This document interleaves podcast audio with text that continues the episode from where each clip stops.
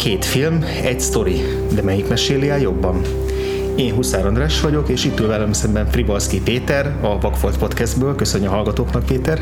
Sziasztok! És ez itt a Vakfolt Versus Podcast. Köszönjük! a új podcast.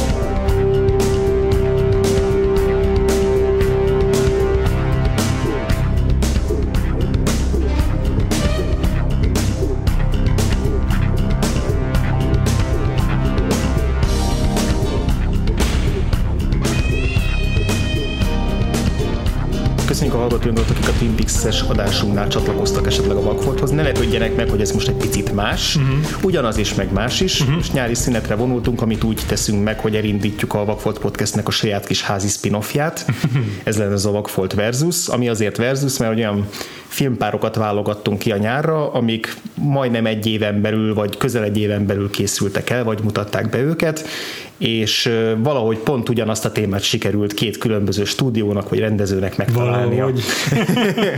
az első ilyen párosunk az egyből a legismertebb, legominózusabb ilyen uh, uh, ikerfilm, uh-huh páros, ez pedig a, az egymástól két hónap különbséggel bemutatott Deep Impact és az Armageddon 1998-ból. Uh-huh. És azért emeltem ki a valahogy ott kézzelbeli idézőjelben, mert azt állítja a Deep Impact egyik forgatókönyvírója Bruce Joel Robin, Robin hogy, hogy szerinte amikor pitchelte a forgatókönyvetletét, akkor az egyik stúdiófőnök ezt így lejegyzetelte és elvitte a Disneyhez, akik végül a Touchstone stúdióval, az egyik ilyen lányvállalatukkal elkészítették az Armageddont, és az így gyanús, hogy az Armageddonnak a teljes elkészülési ideje az első csapótól leütésétől kezdve a, az utolsó vágásig, az kb. 16 vagy 18 hét volt uh-huh. a Michael Bay elmondása szerint, ami egy ilyen rekord gyorsaságú produkció. Cserébe Michael Bay az audio kommentárban elmondta, hogy hát ő persze csak jóval később látta izé a, Deep Impact-et, és hogy megnézte, és akkor úgy is volt vele, hogy, hogy hát ez igazából teljesen más, hogy nyúl a témához, úgyhogy, úgyhogy ez nem, nem, igaz. nem probléma, de azért később azt hiszem az audio kommentárban így odaszúrt egyet, amikor azt mondta, hogy hát a mi filmünkben a föld, a föld az sokkal jobban néz ki az űrből, mint a Deep Impact. Ó, Istenem! Hát annyiban lehet, hogy igaza van, hogy a két film azért elég erőteljesen különbözik a költségvetése. A Deep Impact a maga kis mm, 80 millió dolláros költségvetésével, aki igazából drágának számított már akkor is, de eltörpül az Armageddon 140 milliós költségvetéséhez képest, ami 1998-ban kimagasló összeg mm. volt. Igen. A, a, a Deep Impact ugye a, a Paramountnak és a DreamWorks-nak a közös produkciója Igen. volt, és ebből szerintem az utóbbi érdekes a DreamWorks, mm-hmm. ami a Spielberg által alakított, alapított stúdió igen, volt, igen. ami igazából, ha jól tudom, akkor tavaly szűnt meg. Hát nem szűnt meg hivatalosan, de hát gyakorlatilag most már betagozódott egy másik nagy oh. stúdióba, és, és most már helyette az Emblem nek egy ilyen furán átnevezett verziója alatt készülnek el majd az új Spielberg filmek is, tehát azt hiszem talán a BFG volt az utolsó ilyen hivatalos DreamWorks film. Aha. 94-ben alakult, és ugye ez 98-as film, ez a nem tudom, harmadik vagy negyedik filmje volt a DreamWorksnek, és előtte csak ilyen viszonylag kisebb költségvetésű darabokat csinált, mint mondjuk a, a Peacemaker, ami szintén Mimi Leder film. Ami szintén Mimi Leder, az az első DreamWorks film, igen, illetve utána az Amistad, ami, a, ami ugye a Spielbergnek a, a történelmi, filmje, történelmi filmje volt. Igen. Tehát, tehát ez ilyen szempontból érdekes, hogy viszonylag egy úgymond kis cég társult persze egy nagy céggel, mm. a Paramount-tal, és így csináltak egy ilyen nagy dobást, de hogy ez valószínűleg azért a DreamWorks egy nagyon nagy kiemelt produkciója lehetett, hogy, hmm. hogy anyagilag is működjön. Igen, igen, igen. igen. És, és ö, ugye kasszáknál is jól teljesítsen, nem úgy, mint a korábbi filmek, amik jók voltak, de nem bombasztikusan nagy pénzeket hoztak. Ja, igen, igen. És hát velük szemben ugye ott van a Touchstone, a Jerry Bruckheimernek a, az istálója, aki meg azért így már eléggé Igen. magabiztosan ontotta a közönségfilmeket. Főleg, hogy Jerry Bruckheimer az, aki nem tud kicsiben gondolkodni, tehát itt az Armageddonban Texas méretű a meteor, hmm. a Deep Impactben meg New York méretű az istökös. Tehát hogy ezért jelentős különbségek vannak a filmnek a hozzáállásában is, készülő hozzáállásában is. Igen, igen. Szerintem van egy, egy nagyon jellegzetesen közös jelet, ami mind a kettőben benne van, és ez alapján már előre lehet látni, hogy melyik filmnek milyen a megközelítése, hogy ki az, aki, ki az a mezei csillagász, aki felfedezi a, a, a, támadó stökös meteort. Mert ugye Dean Pépekben ott van a, a, ez, a, ez a csillagász, aki operát hallgat, tehát igazából ez a viszonylag hamar meghal a filmben, tehát az első jelenetek egyikében, de hogy amikor felfedezi. Ez egy intellektuál fickó, egyből tudjuk, hogy mit tudom, okos, tanult. Pontosan, az internethez is nagyon ért, tehát nem rajta múlik, hogy nem tudta feltölteni a nem tudom, FTP-nek a korabeli verziójára, vagy a, a, a csetre a, a hatalmas információt, és ezzel szemben ott van a, a, az Armageddon, vagy meg az ilyen tanyasi bugris hobbi csillagász. Izé, káromkodva üvöltöző fickó. Aki azért nevezi, tehát nevezi el a feleségéről, a Dotiról ezt a, ezt a meteort, mert hogy, mert hogy egy idegesítő, nem tudom, picsa, akit nem lehet leállítani, és akit meg akarnék szabadulni. Szörnyű egyébként, szörnyű ez a, ez a, ez a toxikus maszkulinitásra az Armageddonnak, főleg szembeállítva a, az egyik első ilyen óriás költségvetésű filmmel, amit nő rendezett. Tehát óriási. Nagyon látványos a különbség, hogy a, hol duzzad, melyik, melyik duzzad, duzzad a tesztoszterontól. Én nem tudom, hogy felismerte, de Dottit játszó szíésznőt. Nem. Mert ez Grace Zabriskie volt, aki Sarah Palmert játszott a Twin Peaks-ben, tehát meg is van az első kis kapocsa a, az anya podcastünkkel. Nagyon jó. És hát még lesz egy pár, az biztos. Én rákérdeznék Péter, hogy szerintem ez mind a kettő olyan film lesz, hogy mind a ketten láttunk. Ja, kezdjük az, hogy ki mikor látta az. Erre akartam rákérdezni, én csak azért leszögezzük, hogy itt, itt nem, nem hiányosságokat pótoltunk, lesz Aha. majd ilyen is egyébként a, a, a Vagfolt versuson belül, de itt nem ragaszkodtunk ehhez mm. az egyébként szigorú szabályunkhoz. Uh-huh tehát, hogy mind a kettőt láttuk, te emlékszel le, hogy, hogy mikor láttad őket, milyennek voltak az első benyomásaid? Tudom, hogy egyiket sem a moziban láttam, uh-huh. meg nem határozott körülmények miatt nem emlékszem, egyik se érdekelt annyira. Ha. Azt tudom, hogy akkoriban a, a, a közfelfogás, meg úgy a mindenhonnan azt az, az a benyomás fogadott, hogy hogy az Armageddon sokkal jobb, meg izgalmasabb, meg minden, és Aha. a Deep Impact meg az uncsi verzió, Aha. és úgy álltam hozzá, hogy nem tudom, az Armageddon valószínűleg tévében láttam, vagy a fenes emlékszik már, de hogy ennél biztos, hogy százszor jobb lesz a Deep Impact, és most azonnal kiveszem a DVD kölcsönzőből, és megnézem a DVD-n is bealudtam rajta. És te hogyan láttad őket? Én moziban láttam mind a kettőt. Aha. Ez 98 volt, akkor 14 éves voltam, és ez így akkor a, az Armageddonért nyilván rajongtam, tehát az, az hihetetlenül szerettem azt a. Szerintem, most pont itt, ittem, és most majdnem bekövetkezett a proverbiális Igen. Szerintem lehet, hogy kétszer is láttam ebben, már erre ebben nem vagyok biztos, de el tudom képzelni magamról. Azt tudom, hogy volt, hogy valamelyik ilyen külföldi, nem tudom, Total film, vagy Empire, vagy valamelyik külföldi újságban volt egy ilyen sok oldalas cikk az Armageddonról, és volt egy olyan egy oldal, amin az összes astronauta, most idézőjelbe, fotója ott volt egymás, és ezt imádtam nézegetni, ez kedvenc szereplőimet.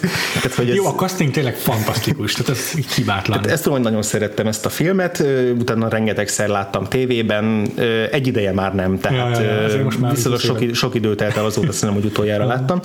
A Deep Impact-et azt, azt csak egyszer láttam annak idején moziban. Aha. Arra is emlékszem, hogy hol volt, a Corvinban néztem meg, azt is tudom, hogy kivel, egy volt általános iskolai osztálytársammal, akivel így akkor tájt vettük fel újra a kapcsolatot. Arra az egyre nem emlékszem, hogy mik voltak a benyomásaim, és ez uh. iszonyatosan frusztrál, mert tök jó lenne tudni. Mindent el tudok képzelni, csak arra tudok hagyatkozni, hogy azóta így hogyan emlékszek vissza a Deep Impact-re, persze ezen sok minden változtatott, de szerintem se nem rajongtam érte, se nem gyűlöltem. Uh-huh. Szerintem zavarba ejtett a film, hogy Aha. nem azt kaptam tőle, amire számítottam, hogy ilyen furcsa volt. Igen, és arra akarok is beszélni, miért ilyen furcsa, Igen. még most is megnézni ezt a filmet, szerintem Igen. nem tudtam vele mit kezdeni. Én uh, nagyjából úgy emlékszem, hogy tehát elég pontosan emlékszem a benyomásaimra a filmek kapcsolatban, pedig én még fiatalabban is láttam, hm. és, uh, és teljesen helytálló dolgok voltak az akkori megfigyeléseim, ma is osztom a, a fiatalkori én ennek a, a, a megállapításait nagyjából. Tök ugyanazokon a dolgokon akadtam ki, uh-huh. tök ugyanazokat a szereplőket kedveltem, stb. Majd úgyis ezekre rá fogunk térni. Uh-huh. De szerintem egyébként rá is tértünk, akár már most is. Akkor hogyha... a Deep Impact-re? Szerintem kezdjük a Deep impact ha már úgyis az került előbb a moziba. Igen, igen. Idején. Ugye az májusi bemutató volt, tehát egy viszonylag korai blockbuster, mert mindig azt mondjuk, hogy a, az utóbbi öt évben kezdődött az, hogy a blockbuster szezont így előhozták. Lassan már februárban kezdődik. Ja, ez még akkor így pont a határa volt uh-huh. a blockbuster szezon kezdetének. Uh-huh Mimi Leder egyik első filmje, azóta sem nagyon forgatott, mert talán utána készült el egy-két évvel a Pay It Forward, aztán évekig nem hallottunk róla. Igen, azzal így bekerült a, a rendezői börtönbe. Igen, igen, pedig én szerintem jobb.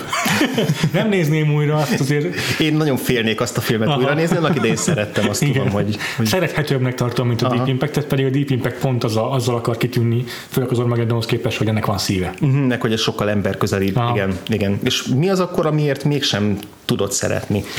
Az azért, mert ez egy konfliktus kerülő film, ami szégyelli felvállalni azt, hogy ez feszültséget próbál teremteni. Ha. Az, hogy ez egy olyan történet, ami így magában hordozza a feszültségnek a lehetőségét.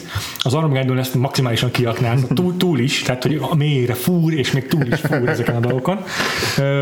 Viszont a, a, a Deep Impact valahogy ettől tartózkodik. Próbálja bemutatni inkább így a realizmus talán a dolgokat. Hiteles is valóban egy csomó része a, még, még tudományosan is sokkal hitelesebb, mint az Armageddon. Nyilvánvalóan azért vannak problémák vele, de, uh-huh. de tökre el lehet tekinteni. Minden más tekintetben a cselekmény az úgy egész hiteles, meg olyan sokkal realisztikusabb, és, és ezekhez ragaszkodik a film szerintem, ezekhez ragaszkodik Mimi Leder, hogy egy ilyen ö, őszinte bemutatót adjon arra, mi történne, hogyha apokalipszis történne a világon. Mm. És, és, és és pont azért, mert azt próbálja bemutatni, hogy hogyan maradunk-e közben emberek, meg hogyan uh-huh. maradunk-e közben ugyanolyanok, mint máskor, ettől mocskos modunalmas lesz ez az apokalipszis. Uh-huh. Pedig ez a leg, ez a, ezt, ezt nem kéne, ezt, ezt két fogalmat egy mondatban említeni. Uh-huh. Igen, van, tényleg van egy ilyen gondolatkísérlet jellege a filmnek, mint hogyha valaki így, így, így egy ilyen, nem tudom, National Geographic dokumentumfilmben bemutatná, hogy hogyan bonyolódhatna le a dolog. Igen, állandóan tévékamerából beszélnek az emberek, mindent elmondanak, hogy mi fog történni, és ez, ez, ez, ez szerintem a legesleges legnagyobb ballaszt a filmen, Aha. hogy a filmnek tényleg több, mint a fele, az arról szól, hogy vagy szereplők a tévében beszélnek, ugye a főszereplő a Tia Leoni az egy riporter, Igen. vagy szerep, más szereplők ülnek a tévé előtt és nézik, ahogy a Tia Leoni beszél. Vagy az elnök, aki vagy az elnök beszél. Igen, és gyakorlatilag tömény expozíció az egész film, mm. és itt is tökéletes összevetni az Armageddonnal, hogy a Michael Bay tudja, hogy nem lehet kikerülni az expozíciót, de ezért valamivel fel kell tuningolni, és ezért folyamatosan azt is ugyanolyan bombasztikusan veszi föl, mint a robbanásokat, igen, és igen. sokkal élvezhetőbb végighallgatni az egyébként sokkal ostobább expozíciókat, mint ebben a filmben a realisztikusabb monológokat, magyarázatokat, viszont azt annyira brutálisan tényleg az, tényleg... Két különböző módon fárasztó, fárasztó ez a két film.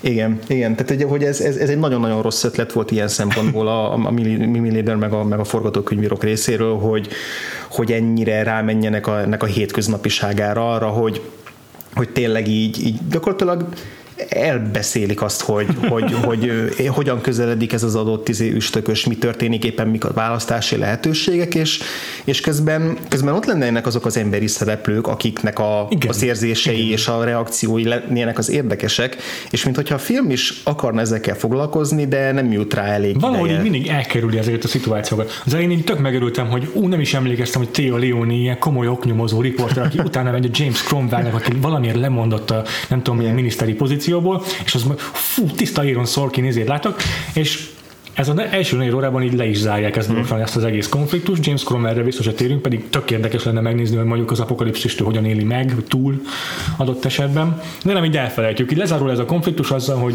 jó, jó, igen, hazudtam, bocs, és, és, és uh, utána ez így nem, tehát így gyorsan elsimítanak minden konfliktust. Mm. Hogy a másik ilyen, a, ami szintén tök jó konfliktus forrás, hogy uh, itt rendesen űrhajósokat küldenek fel az űrben, elpusztítani a, a, az üstökös, bocsánat, itt egy üstökös van, igen. és, uh, és egy csomó fiatal, rátermett kolléga, meg egy idős űrhajós az egyikük, a, a Robert Duval, akit felküldenek velük. És akkor az fiatalok így elkezdenek izélni, pampogni, hogy ez csak egy marketingfogás, hogy felküldik az öregembert. Az, az emberiség élete forog kockán, biztos felküldenek valakit marketing fogásból, Akiről kb. aki az életét fogja beszélni. Aki kb. minden második mondatban elhangzik, hogy ő nem tudom, a, ő, ő már járt a Holdon, és hogy neki ilyen hihetetlen minden második van. és akkor van ebből is egy tök jó konfliktus lehetőség, hogy a fiatalok meg az öreg. Uh-huh. Azt, azt totálisan elfelejtik a fedélzeten, szóba se kerül, egészen addig, ameddig a legvégén, egy az utolsó perceiben aztán mondja az egyik űrhajós az öregnek, hogy öröm vagy megtiszteltetés. Igen, igen, ami ez a klasszikus. Ami megható momentum, mert tényleg izé, effektív, de akkor tér vissza először ez a, egyetlen, ez a konfliktus lehetőség közöttük, hogy az öregebb máshogy bánnak a fiatalok. Pontosan ebben ezen a, ezen a szálon éreztem én is ezt a legjobban, hogy egyszerűen próbál egy konfliktus ö, felépíteni, de minthogyha, minthogyha nem, nincs, nem lenne benne a szíve, vagy nem, nem ah, tudtam pontosan mm, megállapítani, igen. hogy mi az oka, de hogy van egy beszélgetés a, a kocsmában, ami, ahol tulajdonképpen kimondják ezek, ezt a, ezt a konfliktust, de ilyen nagyon didaktikusan elhangzik, hogy oda megy hozzá a Robert hogy jó, akkor így döntsünk tiszta vizet a pohárba, én ah. tudom, hogy ti úgy gondoljátok, hogy én nem vagyok, nem lennék megfelelő erre, most mit csináljunk, és erre így ránéz a Ronald és mondja, hogy igen, én úgy gondolom, hogy te nem vagy alkalmas és akkor így néznek egymás egymás, és nagyjából ennyi a jelenet, és ez oké, okay, tehát el lehet mondani, Aha. hogy ez a konfliktus, de nem mutatják be, hogy ez, ez érdemben hogyan, hogyan jelentkezne. De a másik, ami tele van ilyenekkel a film, szerintem minden hm. szereplővel megteremti a lehetőségét egy érdekesebb hm. konfliktusnak, ami ebben a filmben bőven elmenne érdekesnek, mert tök alacsonyak itt a tétek. Azt hiszem, hogy el fog pusztulni a világ. Komolyan. Tehát itt a Tia Leoniónak azon egy konfliktusa, hogy nem szólt a, a scoopról erről, hogy ezért fog mondani hm. a miniszter, nem szólt semmit a főnökének, a tévécsatornának a hírigazgatója. Igen. És ez is egy olyan hülyén, hülyén megoldott jelenet, hogy hogy lezajlik a sajtókonferencia, ahol a Tia Leoni kiátsza szépen az adóászkártyákat, és akkor utána visszatér a, izébe, a stúdióba, ott hirtelen van egy vágás öt hónappal később, mm. mert hogy igazából itt öt hónapig nem nagyon történik semmi, csak felkészül az emberiség a következő. Ami megint csak sokkal realisztikusabb, mint az Armageddonban. Ahol 17 nap mindez, az egész. Mindent megoldanak, igen. Igen. igen. Szóval itt, itt, itt komplet egy évük van mindenre, ebből ugrunk át öt hónapot, és ott következő jelenetben azt történik, hogy a főnök így a hírigazgatóról kiderül, hogy még mindig izé panaszkodik a, a Tia Leonira, amiatt az egy dolog miatt, amit öt hónappal korábban követett el. Igaz a néző számára ez egy jelenet volt, de még mindig, és aztán nem foglalkoznak ezzel a konfliktussal sem soha többet. Mm. Csak így megemlítik. Mm, igen, tehát megvan ezeknek a konfliktusoknak a váza, mert végül is a, az ő nagy közös jelenetük is, tehát hogy ez igazából ugye oda, oda fut ki, hogy a, hogy a végén a Tia Leoni átadja a helyét pont ennek a, ennek a hírigazgatónak. Tehát igazából ott van ez a szál. Mm-hmm, de mindenki, mindenki ilyen megbocsát. Az egész arról szól, csak hogy így felvezetjük a konfliktus, majd nem történik semmi hosszú-hosszú ideig, aztán esetleg így teszünk rá említést, és akkor a végén eljön a nagy jelenet, de a nagy jelenet az üresen van, mert nem vezetett odáig, csak így tényleg egy-egy ilyen párbeszéd részletbe. Én azt éreztem, hogy, hogy egyszerre annyi annyi mindent akar ez a film megcsinálni, annyi különböző zsánert akar belezsúfolni ebbe az egy filmbe, amik egy fontosan ütköz, ütköznek mm-hmm, egymással. Ott van a, a, katasz... a fiataloknak a szála is. Ott van egy a, a fiataloknak a szála, ami, ami abban érződik a legjobban, hogy ez egy Spielberg által, Igen, Spielberg producernek a film, és Spielberg találta meg a Mimi Lédert, és ő kérte Igen. föl erre a filmre. Igen. Azon tökéletesen érződik, van olyan jelenet, amikor, eh, amikor kinyitja egy kisgyerek a, a családi ház ajtaját, és akkor szó, hogy, hogy mit te jöttek, érted az Elijah Woodnak, és ott áll állnak a nem tudom katonák, vagy már ja, ja, de hogy, vagy lehet, hogy a szomszédok, és akkor hogy örülnek, hogy jaj, nem haltál meg, mert azt híreztelték a Igen. híradókba, hogy a, a, az Elijah Wood karaktere, aki szintén részben felfedezte ezt a, rökülte az infót az opera hallgató csillagásznak, uh-huh. és akkor őt is halottnak hitték ebben a balesetben. Igen. És az a jelenet is teljesen úgy, úgy játszódik le, úgy van fölvéve, mint a, mint a harmadik típusú találkozások, Totál. tehát hogy teljesen megfelel ennek az a, az a szál. Akkor van egy katasztrófa film, aminek ugye igen, a film vége igen. tesz eleget, egyébként igen. jól tesz eleget Szerintem neki, és én igazából még, még, még ezt én pozitívumnak is tartom, meg így, így, így elismeréssel is adózok a film előtt, hogy ez egy ilyen rendhagyó blockbuster akar lenni, mm. amelyik nem akar már az ötödik percben a földdel egyenlővé tenni párvárost, ugye? Igen. Most így oldalba könyököltem Michael Bay-t. De hogy, de hogy ugye ez is ott van a filmben, akkor ott van mellette ez az általad is már emlegetett ilyen oknyomozós, Aha.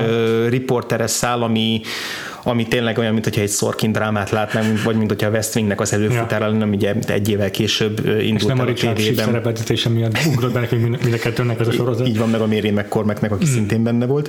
És akkor van benne ilyen családi dráma, van benne egy Apollo 13 jellegű szár, ugye az űrhajósokat, tehát tényleg annyi, mind, és, és mindegynek kicsit más a, a hangvétele, és ettől így ezek így nagyon-nagyon nem, nem férnek egybe. Tényleg Tehát, nem. Ez így nagyon sok, nagyon sok, és emiatt lehet az, hogy mindegyik ilyen borzasztóan felszínes marad, és hmm. nem működik szinte egyik, egyik szál sem. Igen. Vannak benne pillanatok, amik tetszenek, karakterek, akik, akik szembesek, érdekesek, de összességében nem működik a, az Elijah Woodéknek ez az Ádám és Éva története, ami, a, amikor a szomszéd uh, izé, lányt, a Lili Sobieski-t akarja megmenteni, és akkor így összeházasodnak, mert akkor elmehet ő is a bunkerba, ahol, ja. ahol védve lesznek a, ja. a, a, a, az üstökös csapás elől. Ja. És És erről, kif- erről olvastam is erről a száról, hogy itt sokkal többet forgattak velük, és aztán kivágták egy nagy részt, és nagyon-nagyon érezni, mert egyszerűen nem, nem logikus, hogy a lány miért megy vele, nem, Igen. A szerelmük így nincs kifejtve. Nincs, egyáltalán, egyáltalán, egyáltalán nem érthető, hogy ők mm. szeretik egymást, sőt a vége felé kezdeni, és semmi igazából oké, okay, hogy most az Elijah Wood meg, megmenti a lányt, de igazából tök creepy, amit művel cool, vele. Tehát, hogy Aha. nagyon-nagyon nem és kb. ilyen boci szemekkel néz rá mosolyogva. Tehát, hogy ilyen nagyon meg ez egy nagyon rossz érdekes alapkonfliktus, amiben nem megy le, vagy nem is konfliktus, egy nagyon érdekes alapfelvetés, aminek nem megy a mélyére a film, Lili Sobieski döntése. Hmm. Tehát elmenni egy sráccal, akit alig ismer, és az az elvárás, hogy vele töltse az életét egy bunkerban a föld alatt? Hm. Honnan tudja, hogy tíz év múlva, vagy akár két év múlva szeretni fogja-e? Igen. Ki, ki, van, ki lesz még ott rajtuk kívül, akivel elfoglalhatja magát, mert hogy egy ismerősét sem érti magával. Igen. Maradjon inkább a szüleivel, akikkel majd meg fog halni? Tehát ez egy kurva érdekes ez hm. felvetés, és nem foglalkozik ezzel sem a film. Nekem azt segített, hogy uh, itt pont 1998 az a ezerforduló uh, vége felé közelítve a zene is, ez a James Horner, de Thomas Newman-es ilyen izé, nagyon rossz, nagyon, nagyon előtt tőle. Aha. Már csak azért is, mert, mert a James Horner az egy nagyon-nagyon pozitív zenét szerzett ezt. Igen. Hát azt tényleg figyeltem, hogy csak szinte csak dur hangnemben van az egész film, ami ugye mindig egy pozitívabb, mindig egy optimistább, patetikusabb zene, és, és folyamatosan szól, mindig minden jelenetnél ilyen, ilyen nagy hömpögő, jár, ilyen, igen, ilyen igen. nagy boldogság, és igen. közben a film igazából iszonyú depresszív. Igen. Tehát, hogy Igen. ez a film, ha jól megnézzük, ebben a filmben borzasztóan nyomasztó és lehangoló dolgok történnek. Tehát az, hogy a főszereplőnknek az édesanyja az öngyilkos lesz, az édesapja az, az, akivel nem áll szóba, az utolsó pillanatban kibékülnek, és a, és a halált választják. És, és a halált választják. A, az űrhajósok azok mind feláldozzák Igen. magukat, mind meghalnak, Igen. soha nem térhetnek haza. A fiatalok azt választják, hogy a szüleiket soha nem fogják újra látni. Igen, az a jelenet, amikor ott a strádán visszamegy a Lili Sobieski, az Elijah Wood, és akkor a Lili Sobieskinek az anyja oda megy hozzá, uh-huh. és a kezébe nyomja, vagy a, a hordozóba beleteszi a kisgyereket, mert látja, hogy ő nem fogja tudni, és nekik még így esetleg van esélyük elmenni. És ez is milyen brutális, igen, hogy, a, igen. Hogy, a, hogy az újszülött gyerekedet odaadod, mert tudod, hogy, tudod, hogy így legalább ő túlélheti. Tehát ez nagyon, nagyon kemény kemény és nyomasztó ez a film, és mm. közben meg folyamatosan szól ez az optimista zene, ami azt akarja elérni, hogy igazából ne, ne, ne húzzon le minket olyan mélybe. Ah. Tehát, hogy valamit választani kellett volna a kettő közül, és nem tudom, Igen. hogy ez, ez, ez mi múlott, meg ki múlott, de... Én egyébként pont arra gondoltam, miközben a jegyzeteket készítettem az adáshoz, és időközben hallgattam a Max, Max Richternek a Leftovers harmadik évadjához szerzett zenéjét, ezt a pár percet, hogy basszus, mennyire jobb lett volna, hogyha ő komponálja. Nyilván tök fiatal volt még akkor, Persze. de hogyha egy hasonló komponista írta volna a zenéjét, amit azért is hoztam szóba, mert a, szerintem a Tia Leoni és az apjának az utolsó jelenete azzal, hogy a, az öbölben átölelik egymást, és, és így megnyílnak egymás előtt, mm. és mindent bevallnak egymásnak, hogy gyerekkorukban, vagy a lány gyerekkorában mire emlékezett egymásnak, igen, igen. egymás ellen, vagy nem tudom, ilyen, ilyen különféle, igen, az emlékeiket is feltárják. Szóval ez arról nekem egy az egyben a, a Leftovers egyik utolsó epizódja ugrott hm. ahol a Nora Búcsút vesz a bátyjától Mettől. Uh-huh. Nagyon hasonló volt szerintem. Ö... És azért hoztam ezt szóval, mert a Mimi Lader a producer a Leftoversnek. Illetve az egyik főrendezője és a Damon Lindelof rengetegszer elmondja, szinte minden interjúban meg podcastben, hogy a, a Leftovers akkor került a helyes vágányra, amikor a Mimi Lader csatlakozott hozzájuk, és ő kellett ahhoz, hogy igazán olyan jó legyen a sorozat, amilyen jónak ő most tartja, aha, meg, aha, meg, meg mások is. Egyébként szerintem tényleg egyenes vonalat lehet leírni a Deep Impact meg a Leftovers között, tehát az, hogy itt ja. is a Deep Impactben is van egy kozmikus katasztrófa, Igen és ennek az apró emberi vonatkozásait próbálja, vagy akarná Igen. föltárni azt, hogy, a, hogy az emberekben ez, ez a válság, ez, ez hogyan változtatja meg a viszonyulásokat. Tehát igazából arról szól ez a film, hogy Igen.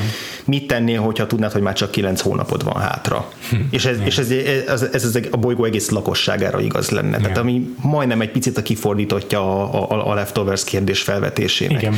Igen. És, és azok a pillanatok működnek számomra ebben a filmben, amikor tényleg egy picit ezt, ezt megbolygatják, mint ez az általad emlegetett tengerparti jelenet, ami szerintem egy felejtetetlenül szép és erős Aha, pillanat. Igen. Erre még, ezt tudom, hogy még akkor is nagyon megrázott.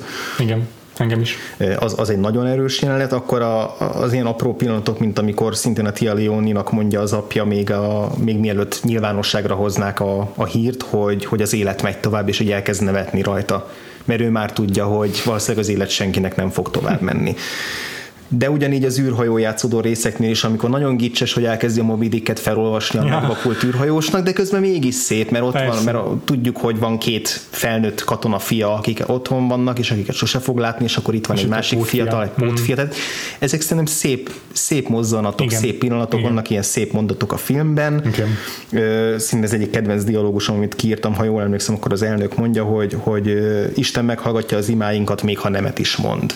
Ami igazából megint egyrészt kurva nyomasztó gondolat, másrészt, tök, másrészt szép és igaz, igaz mondatnak érzem. Tehát, hogy vannak benne ilyen, ilyen kis pillanatok, de, de nem sikerül igazán igazán ebből egy, egy jó élvezhető és Igen. érzelmekre ható filmet csinálni. Igen, nem, én sem érzem azt, hogy Mimi Lider megtalálta volna a tónusát ennek a történetnek.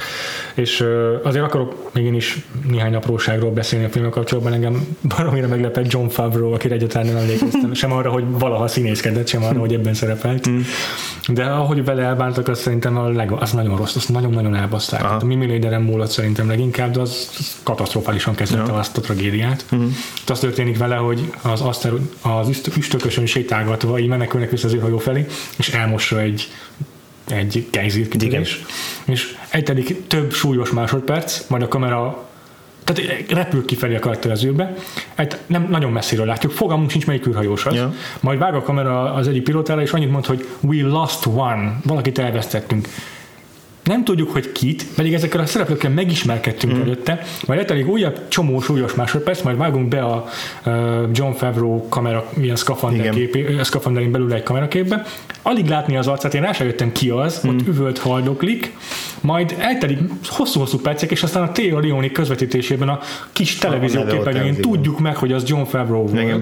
És akkor már kurva késő izé hm. gyászolni ezt a karaktert. Addig már nagyon-nagyon hosszú idő eltelt, és hm. nem érezzük ennek a tragédiának a súlyát. Hm. Totál izét vesztett itt, a, a, a tónus vesztett itt szerintem ezzel a jelenettel a film. Hm.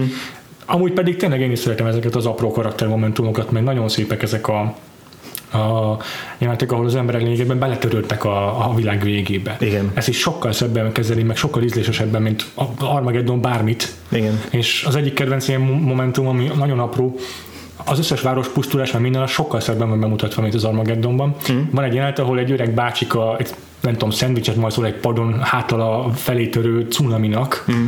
és beletörődve ücsörög ott, az hátborzongató. Mm.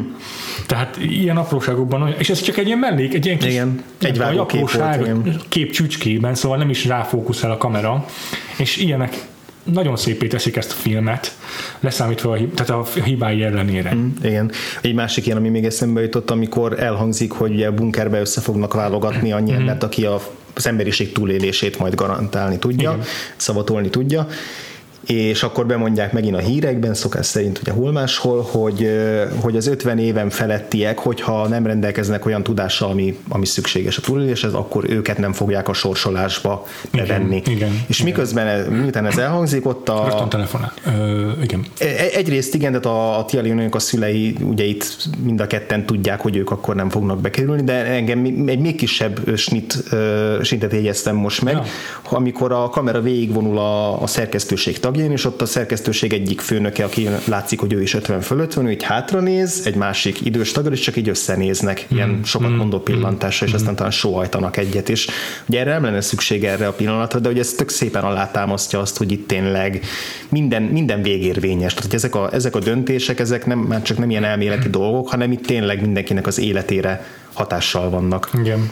Egyébként nekem nagyon tetszett ez a, ez a, ez a ilyen Carl Sagan-es, úgy fogalmazom hogy ilyen Carl Sagan-es optimista realizmus a filmnek, uh-huh. amelyben így minden a, előre ki van találva, az emberiségnek nem kell aggódni a világ pusztulásáért, mert, mert meg van tervezve minden, van búvóhely, hm. sorsolunk embereket még hozzá olyan igazságos módon, amiben senki nem köt bele. Hm.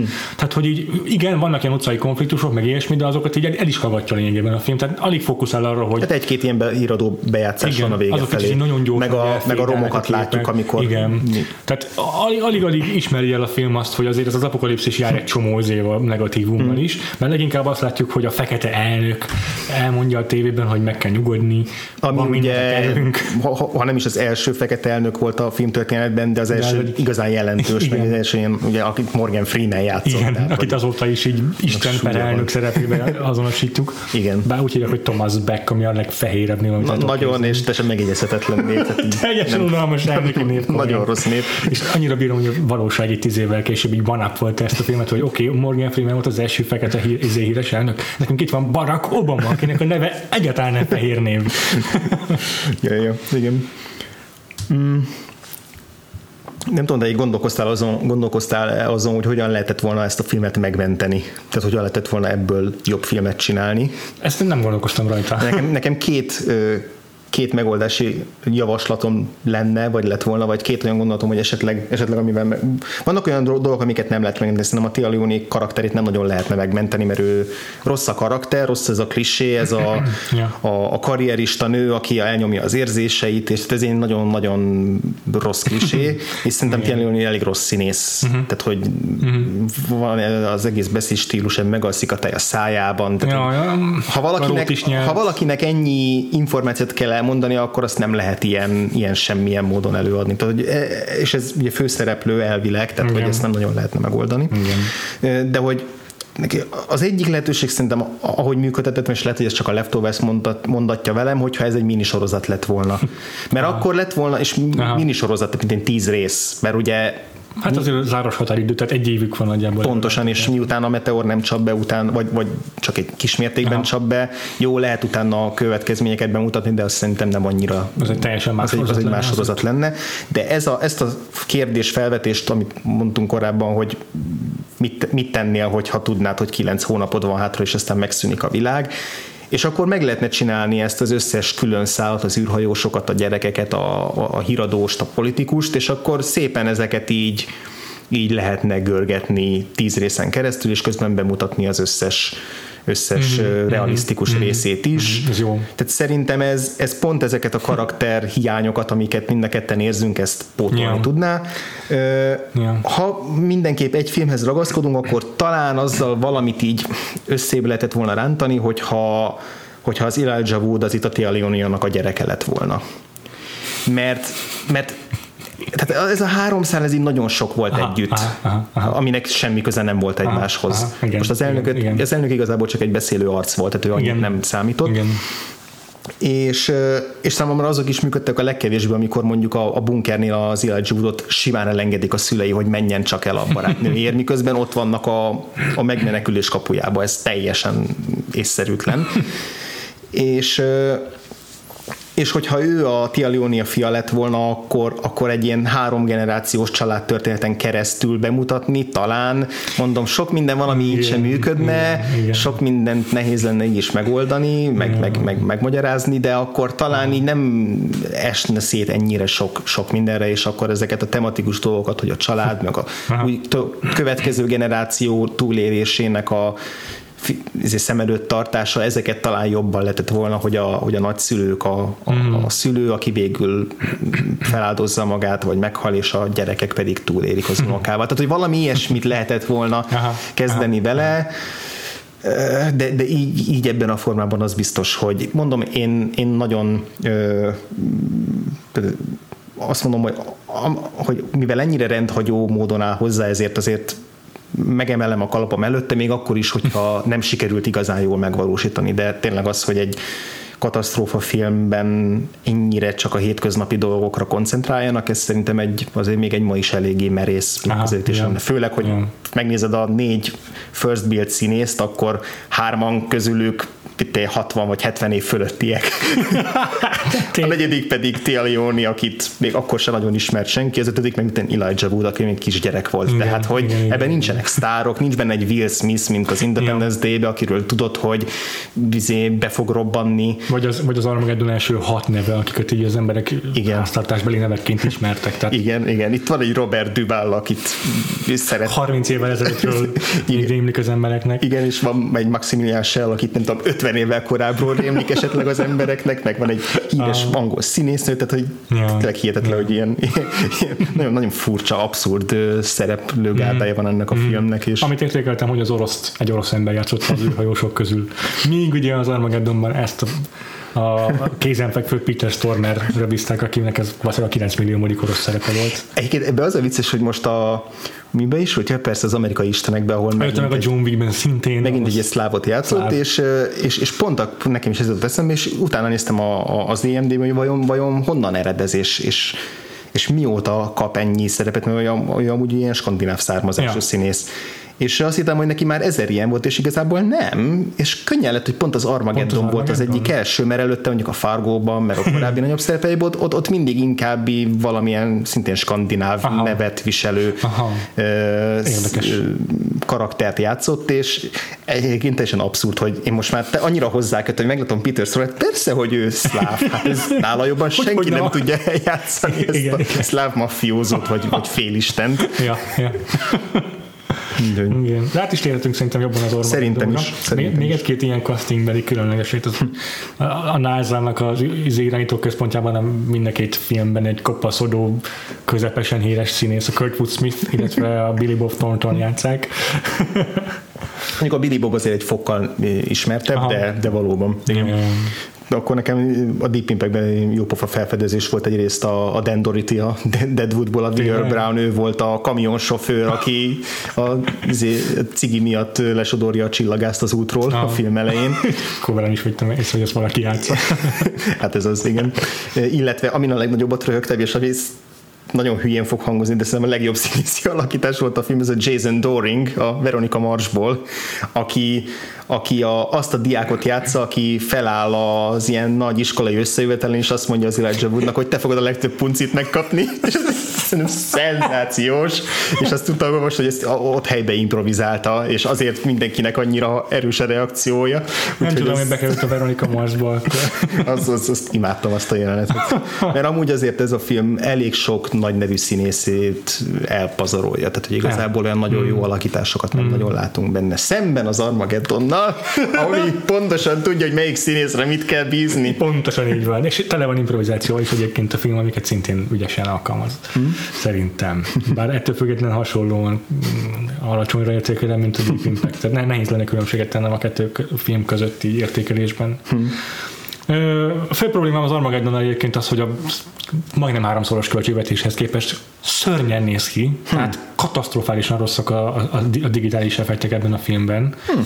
Főleg ezt a, a határidő miatt annak tudom be, betudni, betudni, hogy riszálatosan rövid idő alatt csinálták meg. Michael Bay maga azt mondta, hogy a CGI Effect super, Supervisor, aki a, a digitális effekteknek az elkészítésért felelős főember, az idégösszerapalást kapott a forgatás során, annyira kevés idejük volt mindenre.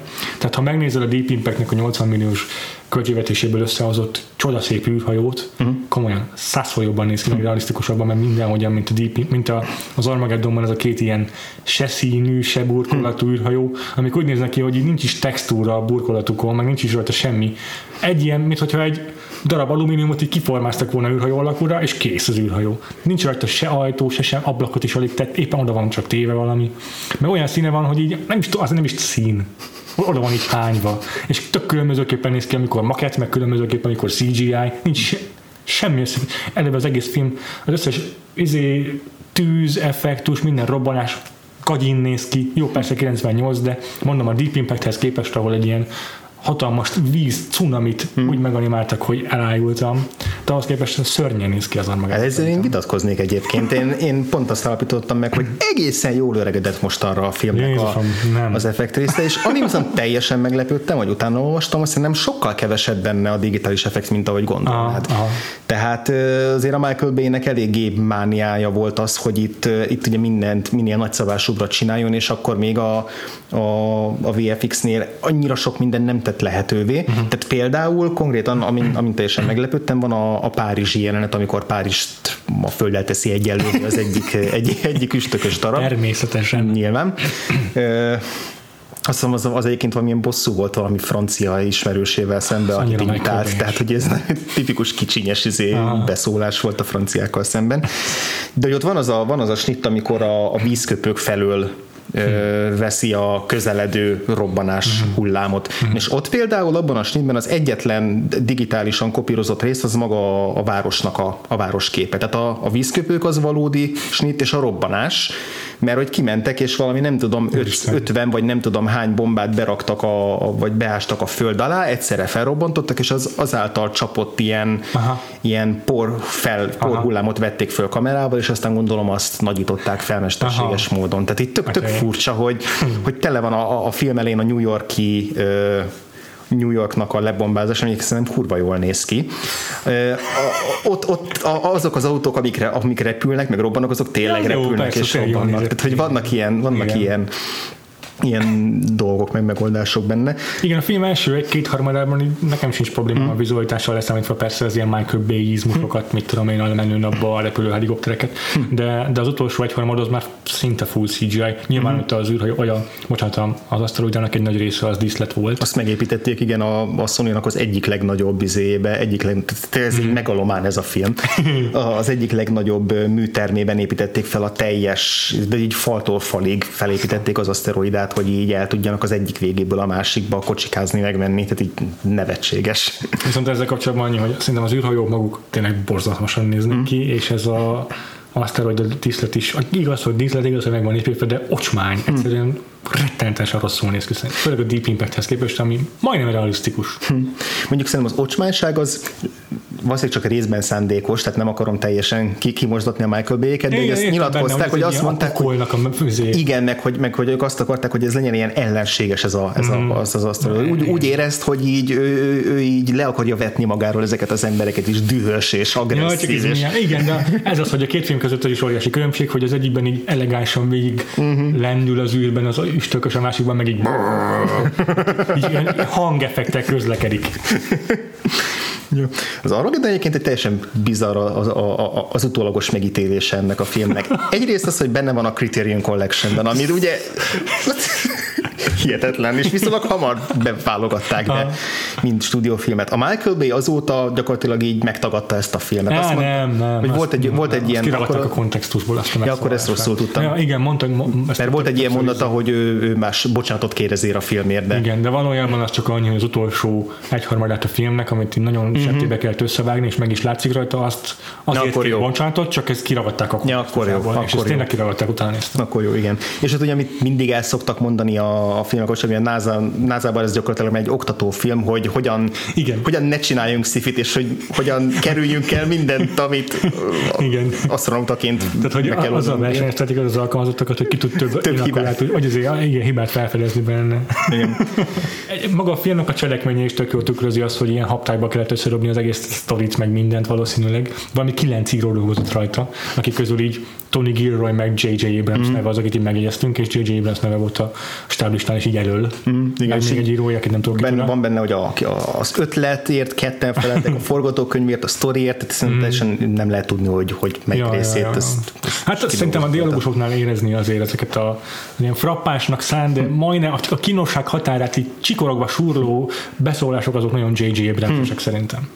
Mm. visszatérve arra, amit akartam mondani, Igen. Um, szóval nagyon tükrözi a film cselekménye is ezt a, ezt a, ezt a seftében ezt a dobottságot, mert tényleg 17 nap alatt kell megmenteniük a földet, és így minden ilyen nagyon septében, meg ilyen, ilyen izé, átgondolatlanul történik ebben a filmben, és, és mindig újabb akadályokba ötkeznek a szereplők, amik egyre erőltetettebbé és egyre lehetetlenebbé válnak, de már olyan szintekig, amik már tényleg fárasztóak. Hát igen, ez, ez az a film, amiben tényleg koherenciát, meg narratív logikát nem nincs értelme keresni, szerintem nem is, nem is érdemes, tehát én kifejezetten szeretem ezt a filmet még mindig. Én még mindig szeretem. Katasztrofális az, az, azzal viccelődtem még a, még a podcast előtt, hogy, hogy azért, azért akartam ezt a filmet vezetni, hogy elmondhassam, hogy az Armageddon egy mestermű. Ezt nem fogom elmondani, nem tartom mesterműnek. A, a szikla az, ami tényleg minden irónia nélkül szerintem az egyik legjobb közönségfilm, Nem mertem újra nézni. Pont azért, mert hát ha mégsem az.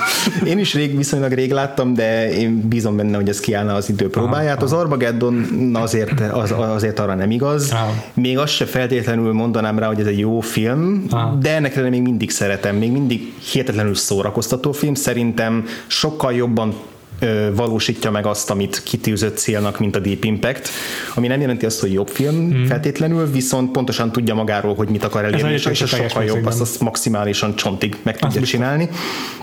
Ö, és nagyon fura, mert egyszerre vércinikus és borzasztóan komoly. komoly és őszinte. Aha. Mert hogy van benne egy ilyen méretetlen cinizmus, hogy Igen. most megcélozzuk a Midwestnek a közönségét, azt, ahogy mi elképzeljük őket, Aha. hogy itt vannak ezek az átlag joke, akik Aha, mindegyik lepipálják az, az, a, lepipálják az aszteroidákat, lealázzák a legokosabb tudós, hogy hülye Aha. vagy nem értesz hozzá, Igen. kidobálják Igen. az alkatrészeket, a felesleges alkatrészeket a, mit, a holdjáróból, vagy aszteroidajáról, mindent jobban tudnak, megmentik a földet, Igen. és ők ugye ugyanilyen tetkós, izé, yeah. tajparaszt alakok, mint, bár, mint úgymond yeah. bárki más, és, yeah. hogy, és, és hogy ezzel ugye kedveznek a közönségnek. Hát ez tökéletesen passzol az, hogy a film narrációját tudod ki mondta el az nem, elején? Nem. Charlton fucking Heston. Komolyan? Még ezt tudnom kellett volna. csak kezdődik ugye a film, hogy izé, wow. látjuk ugye, hogy a, ilyen, ilyen dokumentumfilmesen, ilyen megrendező dokumentumfilmesen a dinoszauruszokat, hogy, hogy, hogyan, hogy, hogyan pusztítottak ki őket a, izé, a uh-huh. becsapódás, és aztán van egy ilyen felirat, hogy 65 millió évvel később, ugye a világ legröhelyesebb képernyő felirata egy, és aztán a következőben megjelenik a cím, hogy Armageddon, Aha. és már az felrobban. Az felrobban, igen, igen. Ez nagyon vicces, hogy ezt nem tudtam, nem, nem, emlékszem, nem emlékszem, hogy ezt annak idején tudtam, mert azért mondtam, hogy ezt nekem tudnom kellett volna, mert hogy gyerekkoromban nekem két kedvenc színészem, de én all-time kedvenc színészem, akikért rajongtam. Az egyik a Charlton Heston volt, akinek itt tényleg minden filmjét megpróbáltam előásni a, nem tudom, a TNT-ről, ami akkor ugye a Cartoon igen, Networknek igen, a késő estézéje volt, vagy videókazetták, tehát az összes szar 70-es évekbeli szifét végignéztem. Még imádtam a Charlton Heston, ne kérdezz, hogy miért. Tehát nem tudom, hogy tényleg ez az amerikai ideál, ez a kemény, ez férfias férfi, biztos, hogy ez, ez, ez volt rokon szemes, mert a másik egyébként meg az még a Kurt Russell volt, aki rajongtam. hát, valószínűleg volt egy ilyen, egy ilyen amerikai hős fixáció, és lehet, hogy az Armageddon is azért tetszik. Hogyha a Guardians of the Galaxy 30 évvel korábban készült volna akkor Kurt Russell játszotta volna Star-Lordot, és Charlton Heston az a sokáját. Igen, és lett volna benne egy John Wayne cameo. ő lett volna az eredeti... Stallone, igen. és akkor csak a Michael Rookerre kell megtalálnunk a megfelelő karakterszínészt akkor a korból. Hát a biztos, tudom, Ernest Borgnine lett volna. Tökéletes. Ennyi. Jó van. Jó. Hogy kocsokat el tudnám képzelni egy ilyen mm, mm, Nagyon jó, és mindjárt lekasztingoljuk az egész filmet. Lee Marvin, vagy nem tudom, kiket kéne még, még ja. találni benne. De ez már nagyon messzire vezetni, szóval az egész Marvel univerzumot újra castingolnánk ezekkel a színészekkel. Hát tulajdonképpen úgy készült ez a film, hogy a Michael Bay ült, és hogy vajon mit tetszene a közönségnek. Kurvára így van. És akkor, és akkor ezt így megcsináltam, mint hogyha minden motiv, döntés mögött ez lenne a motiváció, ja. hogy mi ja. a... Maximalizáljuk ebben a filmben a hatásosságot. Pontosan, tehát tényleg ez a reklámfilmes esztétika, hogy tök mindegy, hogy hülyesség van a, a, a képen, de hogyha jól néz ki, ha menő, hogyha erős érzelmeket, és, és nagyon Igen. végletesen erős és egyszerű érzelmeket vált ki nagy, nagy intenzitással a nézőbe, akkor elértük a célunkat. Most, most muszáj felolvasnom, hogy bocsánat, egy Jó, a. Roger Ebert kritikájából. Aki azt hiszem egy csillagot adott neki. Egy csillagot, igen. igen, a Deep Impact azt kettő is felett, hogy három is felett, szóval egészen jól értékelte ehhez képest. Ja, tévedett, De... szokás szerint megint tévedett. az első bekezdés így hangzik a kritikából, ez tényleg érdemes. Here is at last the first 150 minute trailer. Armageddon is cut together like its own highlights. Take almost any 30 seconds at random and you'd have a TV ad.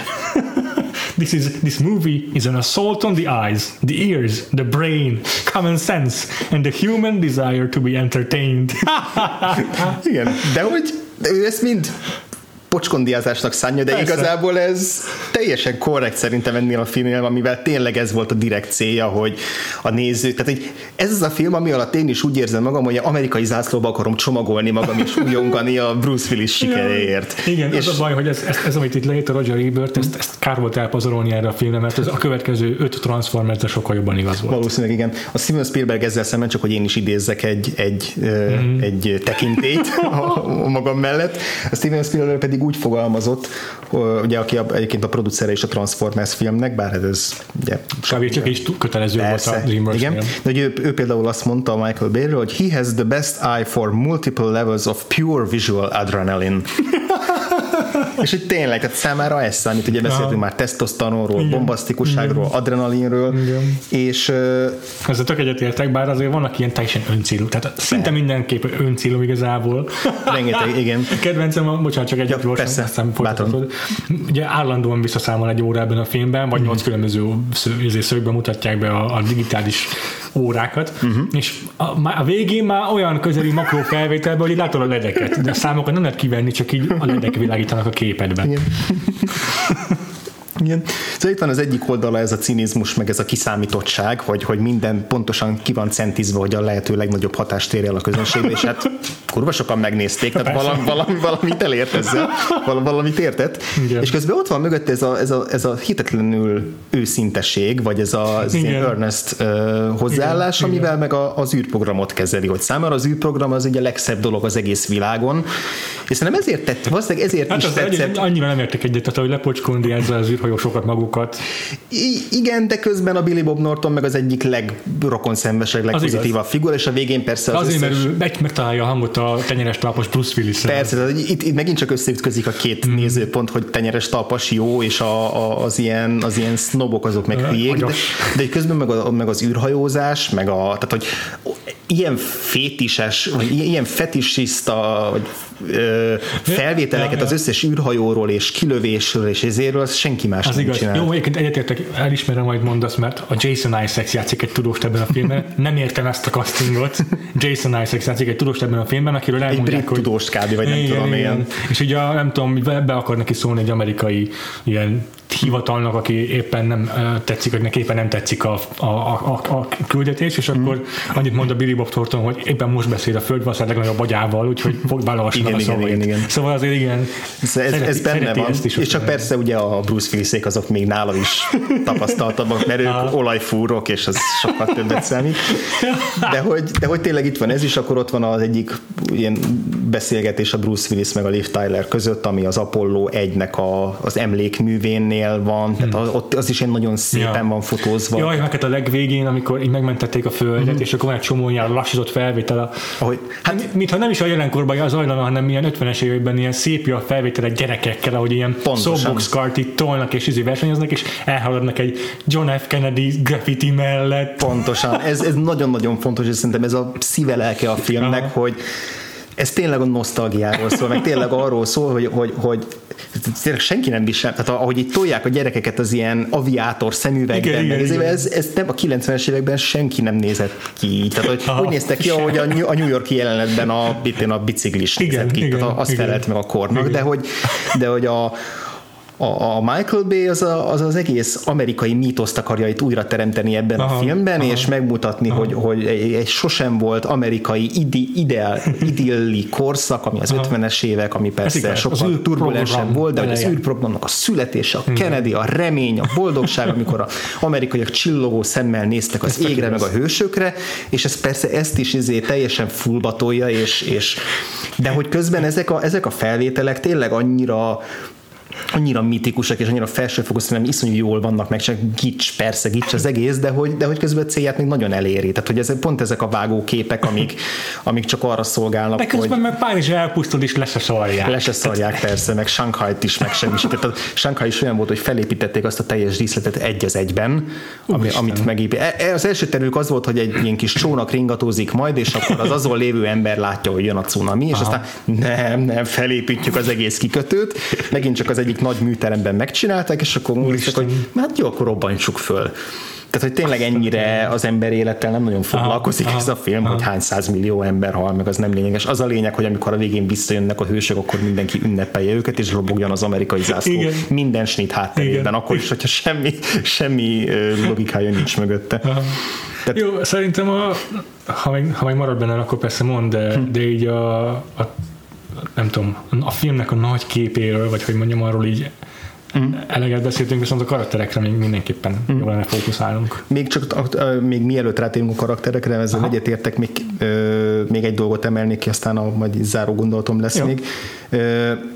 Az, hogy többen is mondják Michael Bay-re, hogy igazából ő is egy otör rendező, mert hogy, hogyha ehhez nem értékítéletet társítunk, mert hogy, és Aha, olyan szempontból szerintem tök igaz, hogyha meglátsz egy snittet ebből a filmből, tudod. akkor tudod, hogy az Michael yeah, Bay. Yeah, és, yeah. és az, hogy a színeket hogyan használod, akkor ahogy a, a New York jelenetnél, ahogy mondtam, az a tényleg, mint hogy a balettet rendezne, hogy így röpüljön, meg így, így pörögjön az autó, meg, meg hogy ilyen a pirotechnika, meg piruett, meg minden ilyen hihetetlen gyönyörűség, és, és persze ja, de azért ócska, mert rombolás az de egész, ez csak, de... de ez csak az egyik fele a Michael Bay a másik fele még ez a szükségtelen ilyen rasszizmus, amit csomószor megjelenik már ebben a filmben, hogy mm. a, a, fekete karakter az ilyen harsány fekete karakter, amit tényleg gondolok erre a Persze. biciklis fekete srácra, aki, akire belecsap a beteor, vagy nem tudom Igen, igen, igen, igen.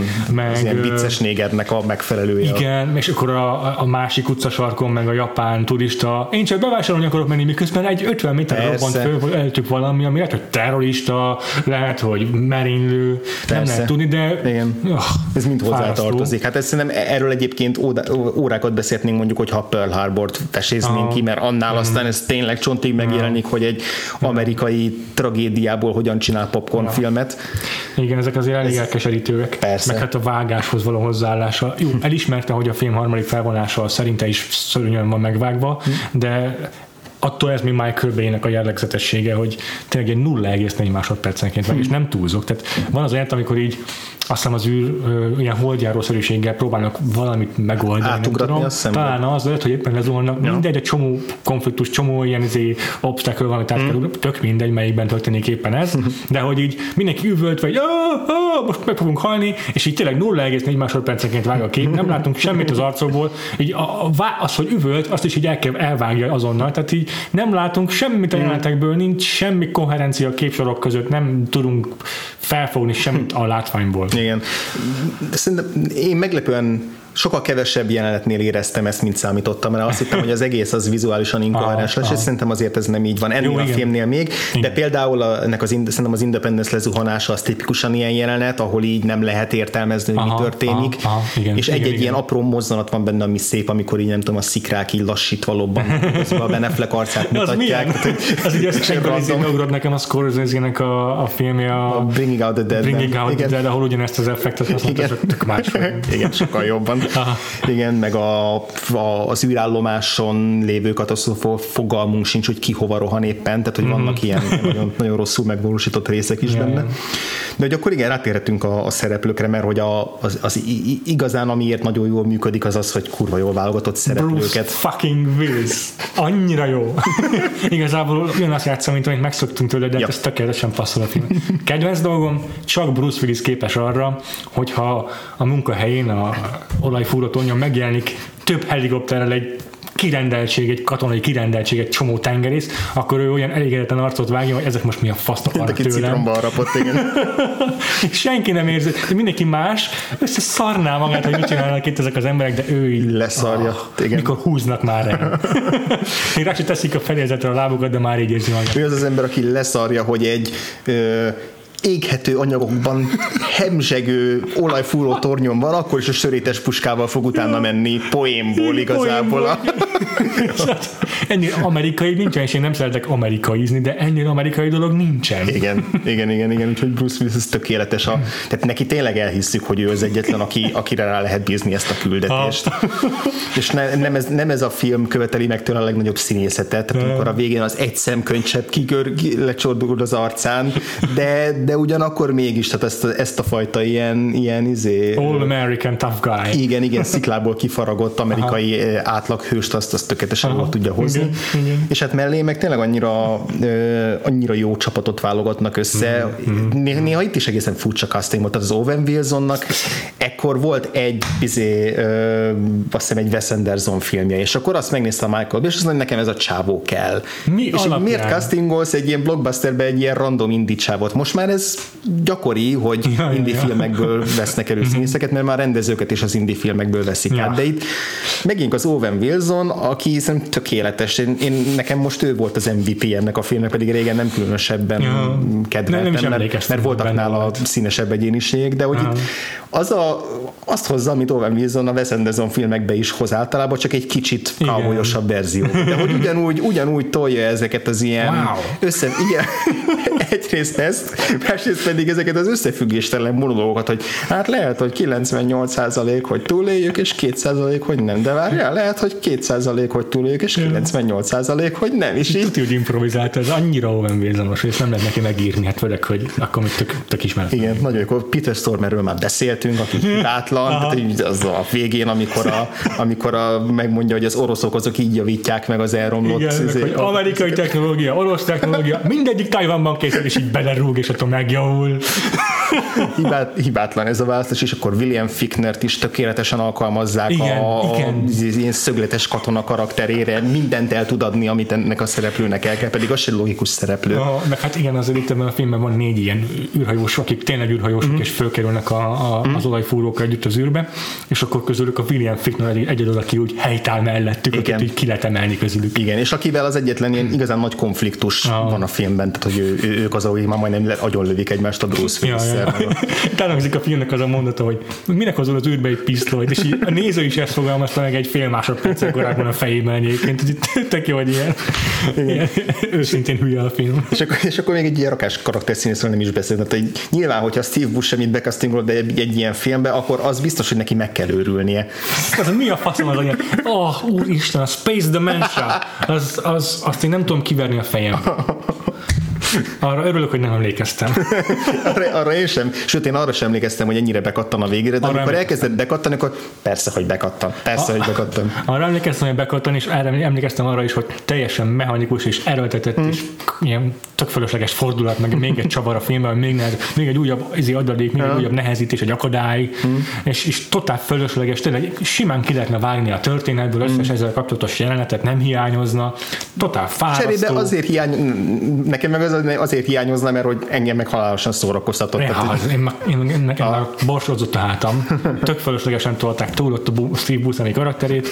E- Eleve az egész karakter ilyen össze van így fércelve, hogy legyen egy okos ember az izé között, a olajfúró között, és így meg van magyarázva. egy zseni, akire nem gondolná, hogy zseni, de Igen. közben ő a pervers karakter is a filmben, mint amit a, izé, a Connerben játszott, tehát Ja, hogy igen. vele is nagyon sok mindent akarnak egyszerre megvalósítani, és így Ja. igazából csak az az, hogy Steve Buscemi ezeket e- ugyanolyan jól el tudja játszani, akkor miért ne játszol mindegyiket ebben a filmben?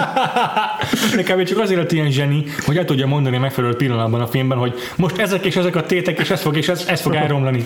És ezt azért tudom, mert zseni vagyok. Ezt ezeket ki mondja? Igen, úgyhogy itt, itt vannak ezek a, ezek a színészek, akikkel tényleg ö, rögtönöztetik a jeleneteknek a nagy részét. Van az elején, a, ami szerintem a film legjobb szakasza, a, a csapat összeszedés, montázs, Ja, és utána a, a, a, a kiképzés, meg a Duncan, mi a fasz csinál? Miért menekül előttük a bu- izé, a motorbiciklivel? szenzációs. Ez is olyan, hogy én nem keresek ezekben normális magyarázatot, csak az a lényeg, hogy jól nézzen ki, és szórakoztató, és vicces, és Igen, az látszik, hogy mindenki élvezte ezt a felvételt. Igen, és még mindig a kedvenc a filmből az, amikor a, a Bruce Willis előáll a, a csapatának a, a kéréseivel vagy követeléseivel, Ja, ami, jó. amire a Michael Bay ezt direkt úgy csinálta, hogy mindenkivel leíratta a színészekkel egy papírra, hogy ők mit kérnének hasonló esetben, majd odaadta Bruce Willisnek, és, és ő, meg, ő meg ott helybe felolvasta őket, és tehát ez, az, az tényleg full rögtönzés volt, és ez hibátlan. Ja, hibátlan, hibátlan reakció. És ez kell a Billy Bob Norton is, aki egy jó straight man ebbe a filmbe szerintem, tehát hogy tényleg ő, Ja, ja. az a fajta straight man persze igazából ő az a karakter, mint a romantikus filmekben az ilyen nagyra nőtt férfiak mellett a megértő feleség. Hogy igazából, igazából ő azért mindenkinek azt mondja, hogy de, de, de azért mégiscsak ő a jó arc, azért mégiscsak Igen, bíznunk kell persze. benne. Igen. Még itt muszáj kiemelnem kérdő volt. Azért nagyon gyorsan végig izé, a film a második felvonáson, tényleg a csapat összeszedés az első szerintem, a második felvonás az a kiképzés, az Igen. ilyen pillanatok alatt le van rendezve, mert van egy ilyen majdnem a film felére nyúlt harmadik felvonás, amiben mennek az űrben, és mindig akadályokat kell leküzdeniük. Szóval nagyon gyorsan túlesnek ez az egészen, de hogy hogyan magyarázzák meg, hogy ők mérőket küldik az űrhajósok helyett, akiket szintén ki lehetne képezni olajfúrásra, Nem, hát csak- fúrásra. Ugye ezt nagyon sokszor hangoztatott izé, ö, Ben Affleck kommentárból kiderül, hogy azért ezzel ők se értettek annyira egyet. Érdemes belehallgatni, ha esetleg valaki nem maradt volna róla, de szerintem már mindenki ismeri a Ben Affleck féle Criterion Collection-os DVD kommentárt. Szóval hogy megmagyarázzák, hogy hát a olajfúrás az ilyen az nagyon font, ez egy szinte művészet, tehát nagyon, nagyon érteni kell hozzá, és ez így úgy, úgy elvázolják, hogy egy hangárban így megy a Billy Bob, Billy Bob Thornton meg a Bruce Willis és magyaráznak erről egymásnak, és így megkérdezik, hogy amúgy kiket küldenének, hogyha nem bennünket, a kiket kell kiképezni, mm. és akkor így mutat a Billy Bob Thornton egy sor ilyen vigyázban álló újhajósra, mind, csupa izé, kigyúrt fehér, izé, arc így ilyen oda tornyosulnak feléjük, és így sétálgatnak a hangárban, és így időnként így feléjük gesztikulál a Bruce Willis, és így látjuk, hogy még mindig ott állnak vigyázban a hangár kellős közepén, hogy lehessen rajtuk mutogatni. Miért? Will Patton, nem, róla, nem beszéltünk róla. Róla nem beszéltünk. Tudod, mi a vicces a Will Pattonben? Nem tudom, hogy ebben a filmben láttam először, azt mm. tudom, hogy itt lett az egyik kedvenc színészem, ami most, most arra már azért ez eléggé csökkent, mert elég sok rossz szerepben láttam, ha. meg, meg igazából itt igazából mondani, minden filmben ugyanazt ha. hozza, és ha. talán ebben hozza a legjobban, ha.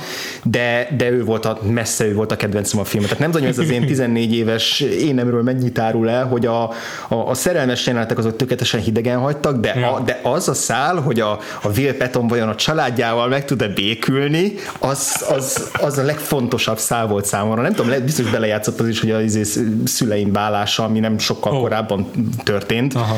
és biztos, hogy el tudom képzelni, hogy oh. ezért érintett meg jobban, de azt tudom, hogy így, így a végén, amikor a, amikor a tehát még most is mindjárt kicsordul a könnyem, amikor a Will Patton így vonul, és látja, hogy, mind, hogy a, a Ben Affleck meg a lifterre átörelik egymást, és akkor tudod, ilyen mm. megértően, bánatosan most, és akkor egyszer csak megélni a kisfiú. Hát az ott az, az egy csoda volt. Tehát ott nem sírtam ennyire, mint amikor a Bruce Willis felrobbant. Tehát, hogy a...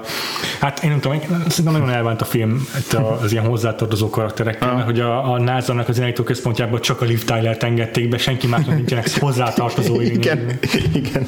Will szerintem az a színész, akit Isten azért teremtett, hogy próbált tegye az emberiséget, hogy lehet-e még valakivel összekeverni a Bill Paxton és a Bill Pullman. Mert amúgy egy tök hasonló. Olyan, egy ilyen Bill Paxton és Bill Pullman karakter közötti ah, Látom, hogy miért mondod, igen, igen, igen, igen. Ha arccal nem is hasonlítanom, de jellegre igen. Mm, ez a, mm. ez a kicsit laza, joviálisabb, mm, laza, aha, ezért szintén ez, aha, igen, igen, igen, igen. Úgyhogy, tehát ő az az ember, aki tényleg a főszereplő megbízható jobb kezének castingolsz. Igen, igen, igen. Ehhez képest meglepően sok azért ilyen gonosz szerepre szokták őt inkább castingolni, de, de erre, erre, erre tökéletes volt. Aha. És aztán azok, akik meg nagyon rosszak ebben a filmben, az meg a Ben Affleck, meg a Liv Tyler. Fú, tehát, hogy nagyon-nagyon rosszak. Ben Affleck, mintha, mintha még mindig mutálna. Igen, felszólal a hangja ilyen magas regiszterekbe. Amúgy is barom idegesítő ebben a filmben, de... Mm. Oh. Igen, nem tudom, hogy ott mi történt, tehát még azt hiszem a, ugye a szerelmes Shakespeare az, az szintén ebben az évben került mozikba, és abban például tök jó. Abban ő játszik. Van egy nagyon kis szerep, egy ilyen beképzelt színészt játszik benne, ah. és, és abban abba tök rokon szembes. Mm-hmm. Szerintem ebben a filmben fogalm sem volt, hogy mit kéne csinálni, és az audio kommentár alapján a Michael Bay ott, ott szadiszta, ahol csak tudta. hogy így, így rettenetesen kikészítette ezen a forgatáson, úgyhogy valószínűleg ő így, ő, így ott, ott ugye a túlélésre játszott, nem Igen, arra, hogy színészileg valamit emberileg hiteleset tudunk közötteni. nem ott lenne az, ami jelenetében. Igen, igen, igen. A Liv Tylernek meg ugye egy semmi szerepe volt, tehát teljesen semmilyen, és még csak nem is volt jó benne. Nem. Tudjuk, hogy tud jó lenni, de, de nem, nem, sajnos ők nem azért, mert hogy a romantikus szál béna benne, hanem, hanem azért, mert Igen, az működhetett volna jók. simán. Az Igen. egész működőképes szál lett volna egyébként. Igen. Úgyhogy, és azért ez eléggé, eléggé lerontja a filmnek az ah, átlagát, mert, ah, mert elég sok ah. múlik rajtuk. Hát ugye az ő hármasuknak a viszonyáról szól, hogy hogy Igen. hogyan tud a Beneflekkel megbékélni a vé- film végére és feláldozni magát értük. Igen, Ami egyébként még mindig működik, tehát lehet, hogy én vagyok ilyen önfeláldozás sucker, de hogy az, a, az amikor lemennek azzal a lifttel, ami ott van a, a, ja. a, a, ennek a űrhajónak az alján, nem tudom, hogy kérdez ja, egy ilyen lift, igen. de hogy amikor lemennek azzal, és, és akkor visszalöki a Benefleket, és őt ordít, nagyon, mm. nagyon rossz mm. a játéka, rossz. de Tényleg. attól még maga a pillanat, az még mindig működik. Ami lehet, hogy azért is működik, mert hogy azért a 98-ban az, hogy a Bruce Willis meghal a film végén, az, az, én emlékszem, hogy ezen tökre meglepődtem. Tehát, mm. hogy ez, igen, ez azért nem volt annyira megszokott. Tehát a Bruce Willis az a színész volt, aki mindig minden garantáltan túléli a filmet. Igen, igen, a, főleg a blockbusterekben. Jó, most direkt megnéztem, volt ott a 12 majom előtte, ahol aha, ugye aha, meghalt a végén, aha, spoiler, de, de az más jellegű film. Tehát azért az ilyen nagy Die Hard jellegű, Persze. meg ezért, tehát nagy blockbusterekben, ahol ő a hős, hát az alap, hogy neki túl kell Tehát igen. azért ez szerintem egy eléggé mm. faszahúzás volt benne.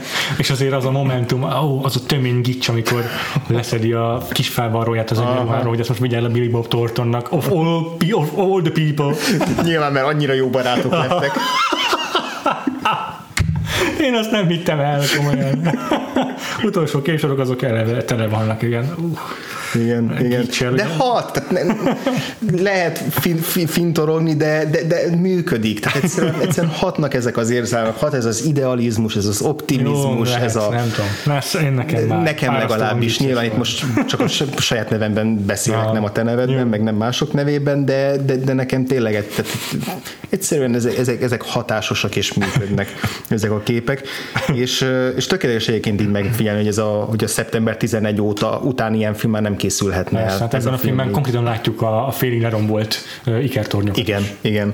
És az, hogy ennyire következményeket, amit mondtunk is, hogy városok ö, töröltetnek el a földszínről, mm. és igazából mm. egy válvonás, mert csak az a lényeg, hogy jól nézzen ki. Tehát, hogy ez, ez azért van, mert akkor még nem volt ez, a, nem, ez az országos trauma, hogy mi, a, mi, mi az, amikor gyakorlatilag egy ilyen ja. megtörténik a valóságban. Ja. És ugye azóta, ja. hogyha csak a Cloverfieldet vesszük, vagy a, vagy a világok harcát, az mert tónusban teljesen más. Nekem egyből beugrott a Cloverfield egyébként, amikor leomlott hogy az, elfej, vagy bocsánat, az Empire State Buildingnek a csúcsa. Igen. Hát van egy ilyen, van egy ilyen, maga a film is nosztalgikus egy, egy, egy ilyen 50-es évekbeli idealizált Amerika iránt, de hogy közben már mi is így kvázi nosztalgiával tekintettünk vissza erre a filmre, mint egy ilyen békebeli, bártatlanabb kornak a terméke, amit szabadon lehetett megsemmisíteni a földet. De fura, és olyan, nekem nagyon kényelmetlen volt nézni emiatt a filmet, nem, tudtam, nem tudtam elvonatkoztatni ja. tőle sajnos. Ja. Pedig nyilván nem úgy kéne néznem. Hm.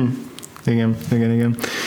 Amit még nem említettünk, és amit szerintem nagyon, nagyon fontos kiemelni, és amiért hát ugye mindenki szokott beszélni arról, hogy miért lett ez a kritériumnak a része, és akkor amit így, amit így még fel lehet hozni rá, hogy így nem tudom, filmtörténetileg fontos ez a film, az az, hogy nem tudom, hogy azóta ez változott-e, de hogy még így a 2000-es évek elejéig ez volt az egyetlen film, vagy ez volt az a film, ami a legtöbb hozzá, a, a legtöbb hozzáférést kapta a NASA valódi létesítményeihez. Tehát gyakorlatilag az, amit a film mondjuk a kiképzés szakaszban látunk, az mind valódban a NASA-nak a helyszínei. Az a, van az a víz alatti kiképzős rész, amikor szkafanderben lemennek ja. a víz alá gyakorolni, az például az a, csak a Bruce Willisnek meg a Ben Afflecknek engedték meg, hogy tényleg azt az űrruhát, vagy azt a szkafandert meg ezért ruhát használják, amit a valódiak, és maximum 20 percre engedték be őket. Az egyébként a jelent is olyan volt kb. hogy így, ú, ez nagyon durva lesz a vágás, ez nagyon durva volt. Igen, mert kb. kb. 20 percig volt ott fölvenni mindent, ami kellett a jelenethez. És, és akkor a, azokban nem tudom milyen, ahol a, ahol a súlytalanságot gyakorolták, ahol az az event chamber, oda is tényleg, az is tényleg valódi. Akkor van az a rész, amikor beszállnak a, az űrhajóba, és ott átmennek ott az, a, az emelvényen. Az egy valódi űrhajó, amit más, vagy űrakét, amit másnap lőttek ki. Atya úristen. Ami hihetetlen, és hogy ott mentek végig, és így mondták, hogy ha, ha csak mint egy tollat lejt valaki, akkor lefújhatják az egész a stábból, akkor másnap fújhatják a küldetést. Tehát, hogy szerintem Isten. ez azért hihetetlen, hogy a Michael Bay ezt megvalósította, amit csak a Michael Bay lehetett képes, hogy ő nem fogadja el a nemet. Tehát, hogyha neki azt mondják, hogy nem mehet be, akkor addig veri az asztalt, amíg Aha. beengedik ezekre De a helyekre. Ez annyira ez a, tényleg a milyen, mindig akarok játszani valamivel, mm-hmm. ilyen kis, ilyen kis, kis gyerek, egy felnőtt gyerek Igen. van. Tehát, hogy náza, bemehetünk názába, akkor hadd üljek már be egyszer, hadd vegyek fel egy fehér köpenyt, és így hadd legyek benne a felvételben én is. Igen, pont, e, ezt, e, ezt, e, ezt emel, vagy neveztem ilyen őszinteségnek, meg az űrprogram iránti rajongásnak, hogy tényleg olyan, hogy beszabadulhat egy film kapcsán a, a názába, akkor meg fogja tenni, és akkor itt, itt, itt mindent végig fog, végig fog venni. Úgyhogy egyébként nem jöttem rá, hogy ez ő volt a, a, a laborköpenyben, csak azt tudom, hogy valahonnan ismerem azt a csávot, csak nem néztem utána, meg nem gondoltam bele annyira. De lett volna egy másik szereplő, akire, akit, akit, akit játszania kellett volna, mert aki szerintem hibátlanul egy monológban megtestesített mindent, ami a Michael Bay-nek az poetikája, ez pedig a, a repülőgépes instruktor amikor felszállnak a, a vadászrepülőkkel, és ott a ja, ja, ja, is volt, forgás, és neki van egy ilyen monológia, ezt ki is írtam, ezt gyorsan olvasom ezeket a mondatokat, hogy miket mondott, és így képzeld el, amikor a pár szót kicserélve ezeket a Michael Bay szájából el tudod képzelni. Your space flight is gonna be a brutal assault on your senses. Ez minden Michael Bay filmre igaz. They are gonna be sucking your eyes into the back of your uh, head. I'm gonna twist you, I'm gonna flip you, when you squeal, I'm just gonna go faster and harder. Tehát ez Michael Bay. Nem tűnt fel, nem tűnt fel. Tökéletes. Igen. Ez végül is a, a, a pozitív változata annak, amit igen. Roger Ebert írt. Vagy hogy így elismerem, igen, amit Roger Ebert Igen, és innentől meg már minden, tényleg minden nézőre rá van bízva, hogy melyik részével ért egyet, és hogy teljesen, teljesen validnak tartom azt, aki gyűlöli ezt a filmet, meg aki, aki fárasztónak tartja. Nem lehet szerintem gyűlölni ezt a filmet, mert tényleg van egy szíve, van egy lelke, mm. vannak karakterei, ellentétben a későbbi Transformers filmekkel, amiben mindez hiányzik. Mm-hmm, mm-hmm. Tehát sokkal kevésbé mechanikus, sokkal kevésbé szolgai blockbuster alkotás. Jó, megvan benne az, hogy tényleg jó, még egy akadályt kell tennünk a karakterek elé, aztán meg még egyet, aztán meg még egyet, mm. és nagyon erőltetetté válik ez egy idő után, mm. főleg, hogy tényleg a filmnek a felét teszi ki a harmadik felvonás. Mm. Ö, Akkor még a nukleáris robbanófet is élesítik, és el kell vágni a drótokat, tehát tényleg ó, a kék vezeték, vagy a piros vezeték, idáig lebenézkednek, ide lesüllyednek, komolyan. Szegény William Fickner, akinek nem elég, hogy ilyeneket kell eljátszani, olyan mondatokat adnak a szájába, hogy Space Dementia, meg ilyenek, tehát azért itt komplet, komplet kihívások elé És eladja, ez a durva, hogy eladja. meg az, ú, a más, ezt még muszáj, mert az egyik ilyen legfájóbb pont volt számomra a film, amikor így oda megy a Liv Tylerhez, miután leszálltak, és ott a oh. felszálló pályán így permission to shake the hands of the daughter of the best man I've ever lived, nem tudom, itt valami ilyesmit mond a Bruce Willis-ről, úristen, vagy a legnagyobb hazapi, valószínűleg, valószínűleg, valószínűleg hazapiként hivatkozik rá, mert ez egy Michael Bay film, de szóval az is fájdalmas volt. Szegény William Fickner, remélem nagyon sok gázsit kiadott az ügynökenek ezért a szerepért. Egyébként az biztos, hogy itt ez a szereplés azért megdobta szerintem a karrierjét. Aha. És nem néztem meg, hogy utána milyen filmekben játszott. Jó, előtte meg ott volt a szemtől szemben mellékszerep, tehát hogy azért akkor már nem volt egy tök ismeretlen színész, de azért, hmm. azért ebbe a filmbe, tehát nem ő egy megegyezhető karakter. Lehet, hogy azért is, mert azok közé tartozik, akik túlérik az egész filmet, és azért sokat tud szerepelni, de azért van, van, van egy-két olyan csapattag, akik elég jelentéktelenek. Biztos, hogy a Michael Bay imádta őt, és imádta őt fotózni, mert ő az egyetlen karakter a Bruce Willis-en kívül nekinek a jégkék szemeire így rá közelít makróban. Ami ugye jól mutat a kékes árnyalatú szűrőkön, tehát hogy ez adja magát. Igen, igen. szóval igen, a karakterek, meg a, meg a főleg a, a, az improvizált dialógusok, mm. meg a, a viszonylag hatásos egysorosok azok azért mm-hmm. adják ezeket a mm-hmm. karaktereket, meg ezt a filmet. Mm. Igen. Hát egyértelmű, hogy a két film azért így hasonló mm, sikereknek örvendett már maga korában is. Hm. Megítélésük is szerintem hasonló. Azt lehet mondani, az Armageddon nagyobb az utóélete, hiszen Criterion Collection, meg egyfolytában többet beszélnek róla. Benne van a popkultúrás köztudatban Igen, is. de azért, azért mondjuk egy verdiktet, így, hogy friss emlék mind a kettő. Hm Melyiket hozott ki győztesként, bár azt hiszem van egy tippem. Igen, nem fog meglepetést okozni, tehát a Deep Impact ez tényleg egy komolyabb film, tényleg egy felnőttebb film, érettebb uh-huh. film, megpedzeget olyan témákat, amik, hogyha jól lennének megvalósítva, akkor nem lenne kérdés, hogy melyik a mhm. győztes, de szerintem sokkal több sebben vérzik el, mint az Armageddon, ami butább film, viszont pontosan tudja, hogy mit akar szórakoztatni, és Aha. engem végtelenül el tud szórakoztatni Aha. még ma is a, a két és fél órájában, Aha. ami azért büntetően hosszú, de, de, de pillanatokat végig tudom nézni, úgyhogy én Armageddon hozom ki győztesen. Na, én viszont kíváncsi vagyok a te véleményedre. Aha. Nem, nem, nem, Mert egyik sem rajong a szívesen, igen. igen. Tényleg egyik sem rajongok. Engem viszont eltántorított az, hogy tényleg büntetően hosszú az Armageddon is és büntetően erőltetett a legtöbb üzé fordulat már a film vége felé, tehát tényleg amikor már a kék meg a piros vezetékig eljutnak, meg uh-huh. bele kell rúgni az űrhajóba, hogy újra beinduljon, azért vannak ilyen nagyon fáj, meg a Space Dimension komolyan, az önmagában levon egy komplett csille volt a filmben, nem túlzok, az annyira fájóan rossz. És, és tele, e, e, ezek számomra levonják azt, a, azt, a, azt, a, azt az élvezeti értéket, ami, ami pont, meg, meg, pont azon a határon van, hogy én nem tudom élvezni igazán a filmet. Uh-huh, uh-huh. Ö, és a Deep Impactnek meg jobban tudom értékelni azt, hogy legalább megpróbálta, hogy milyen lenne az, hogyha totál realisztikusan ábrázolnánk egy ilyen a, a, a katasztrófa filmet, most nem azt a részét, hogy az űrben, Persze, mit tudom én, hanem hogy az emberiség ezt hogyan dolgozza mhm, fel. Ö, legalább akart valamit kezdeni mm-hmm. ezzel a témának a következményeivel, és nem igen. csak robban, robbantgatni, meg fúrni. Igen, igen. Viszont, viszont mondtam miatt, hogy egy csomó érdekesebb konfliktustól, vagy érdekesebb akadálytól viszont eltántorolik a film, meg így, így szégyelni, felvállalni mm. a, a, a feszültségteremtést, ezért, ezért maximum egy fél csillaggal jobbnak értékelem, mint az Armageddon. Ah, szóval éppen épp hogy, és nem szívesen, de, mm, de igen, neki igen, igen, igen. Jó, hát és akkor a, átnyújtjuk a kérdést a hallgatóinknak, hogy mm. döntsék hogy a Bakfolt versus e- ebben az adásában a két Iker film közül melyik az, amelyik... Ami, Mi nem tudtunk dönteni, úgyhogy akkor kénytelenek vagyunk rátok bízni. Amelyik, a, amelyik megérdemli azt, hogy, hogy jobban emlékezzünk rá. Jó. Na és akkor kicsit uh, nézzük végig azt, hogy a saját korában hogyan ítélték meg ezeket a uh-huh. filmkorukban, hogyan ítélték meg ezeket a filmeket. Tartsunk egy ilyen kis triviát, vagy uh-huh. tudom, egy ilyen kis kvízt, hogy, uh-huh. hogy melyik hogy teljesített. Ja. Akkor én utána néztem valamennyire a dolgoknak. Andrást vállalod, hogy megtippeled, hogy a kérdéseid, amik a helyes válaszok? Tegyünk egy próbát. Először is. Ne, ne, még a, mindenképp rá fogok térni az ilyen box office, meg izé budget dolgokra, meg egyebek, de szeretném, hogyha, hogyha megtippelnéd, hogy kritikailag melyik elismertebb. Hmm. Először csak az, hogy melyiket hozott ki győztes. Aha. Nézzük, három mérőszámot néztem meg. Jó, igen, ezt azért megkérdezném, hogy mi alapján. Jó, az egyik a, a Rotten Tomatoes-nak megnéztem a Tomatometer-ét, ami ugye Aha.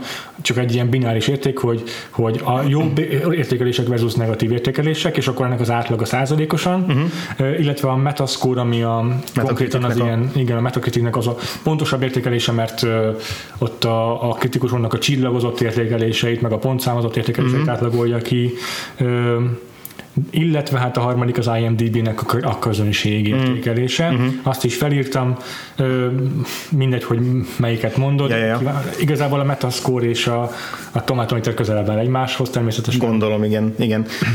Érzésem szerint az IMDB-n az Armageddon följebb áll. Igen. A, jelentősen a Deep Impact-nél. Jelentősen? Mennyi, mennyi, mekkora különbséget mondanál? Adjuk három választási lehetőséget? Pontszámban? Uh-huh. Szerintem mondjuk a, a, az Armageddon az ilyen, az ilyen 7 pont körül állhat, a, a, a Deep Impact mondjuk ilyen 6, aha, 6 aha, körül, jó. tehát én nagyjából így, így, így, így lőném be a kettőt, tehát hogy mhm. van különbség, de nem olyan nagy a szétlövés aha. köztük. A, a hivatalosabb kritikai megítélésnél meg, hát ugye kérdés, hogy ezekben mennyire domináns a, az akkori az mennyire tudom, és az akkori kritikák, és mennyire amik azóta kicsit már átértékelték Sajnos a filmeket. Ezt nehéz megítélni, ezt nehéz megítélni. Nem lehet leszűrni a, a rotánánsa, mert, vagy a korai Mert hogy az biztos, hogy az Armageddon a korabeli kritikai az, az gyalázatos volt. Tehát alig volt egy-két ember, aki, aki pozitívra értékelte volna a, a, filmet annak idején. Ezt sajnos nem is tudtam megállapítani, mert a Deep Impact-ról ötöd annyi kritika van, mint ja. az Armageddon, mert az Armageddonnak már utóélete, amit utána amit szintén be, belevonnak ezekbe, a, hmm. ezekbe az értékesbe, azt hmm. szerintem egy picit így feljebb húzza, mert különben nem tudom, milyen 10% lenne kb. hogyha hogyha csak, a, csak az akkori Aha. értékeléseket venni. Ugye például a Kanban, ami nagyon fura marketing eszköz, hogy miért Kanban mutatták be a, nem tudom, 40 percet a filmből a Cannes Filmfesztiválon. Miért gondolta Michael Bay, hogy Kanban érdemes bemutatni? úgy fújolták ki, mint még semmit, és utána volt egy sajtótájékoztató Bruce willis ami általában ilyen háború volt, tehát hogy így, ugye Bruce Willis azért eléggé, eléggé karcos ember, tehát hogy ő nem fogja ezt szó nélkül hagyni, tehát ja. gyilkos volt. De hát pont az a korszak, amikor a csúcson volt, amikor igen. bármit. Igen, igen, igen. Szóval, szóval azt mondom, hogy tehát egy 50% fölé szerintem simán felhúzták ezt a filmet, de lehet, hogy ez csak a, lehet, hogy ez csak a, izé a, a saját személyes érzelmeim mondjuk, hogy legyen 51 százalék, akkor azt okay. mondom. Deep Impact-nél szerintem az is valahogy középtájon van.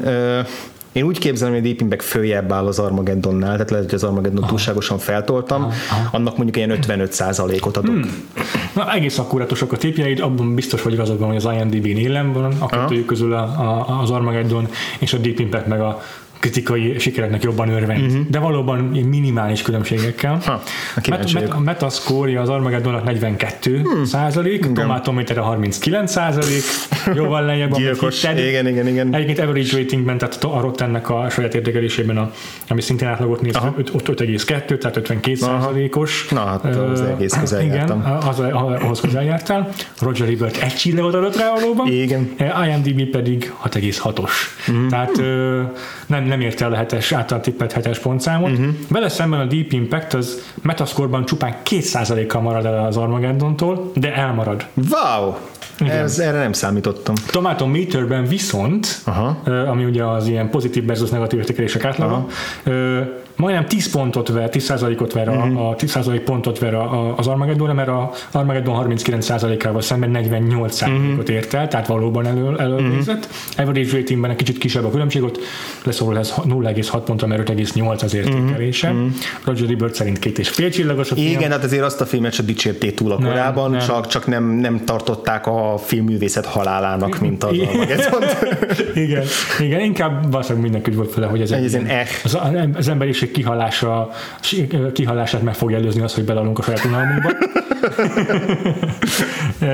és az IMDb-n pedig tényleg nem sok különbséggel, de elmarad az Armageddontól a maga 6,1 uh-huh. Mhm. pontszámával, ami uh-huh. meglepően jó. Egész, egész korrekt. Igen. És akkor nézzük, hogy, hogy szerinted hogyan végezhettek ezek a filmek így a, a box office-ban.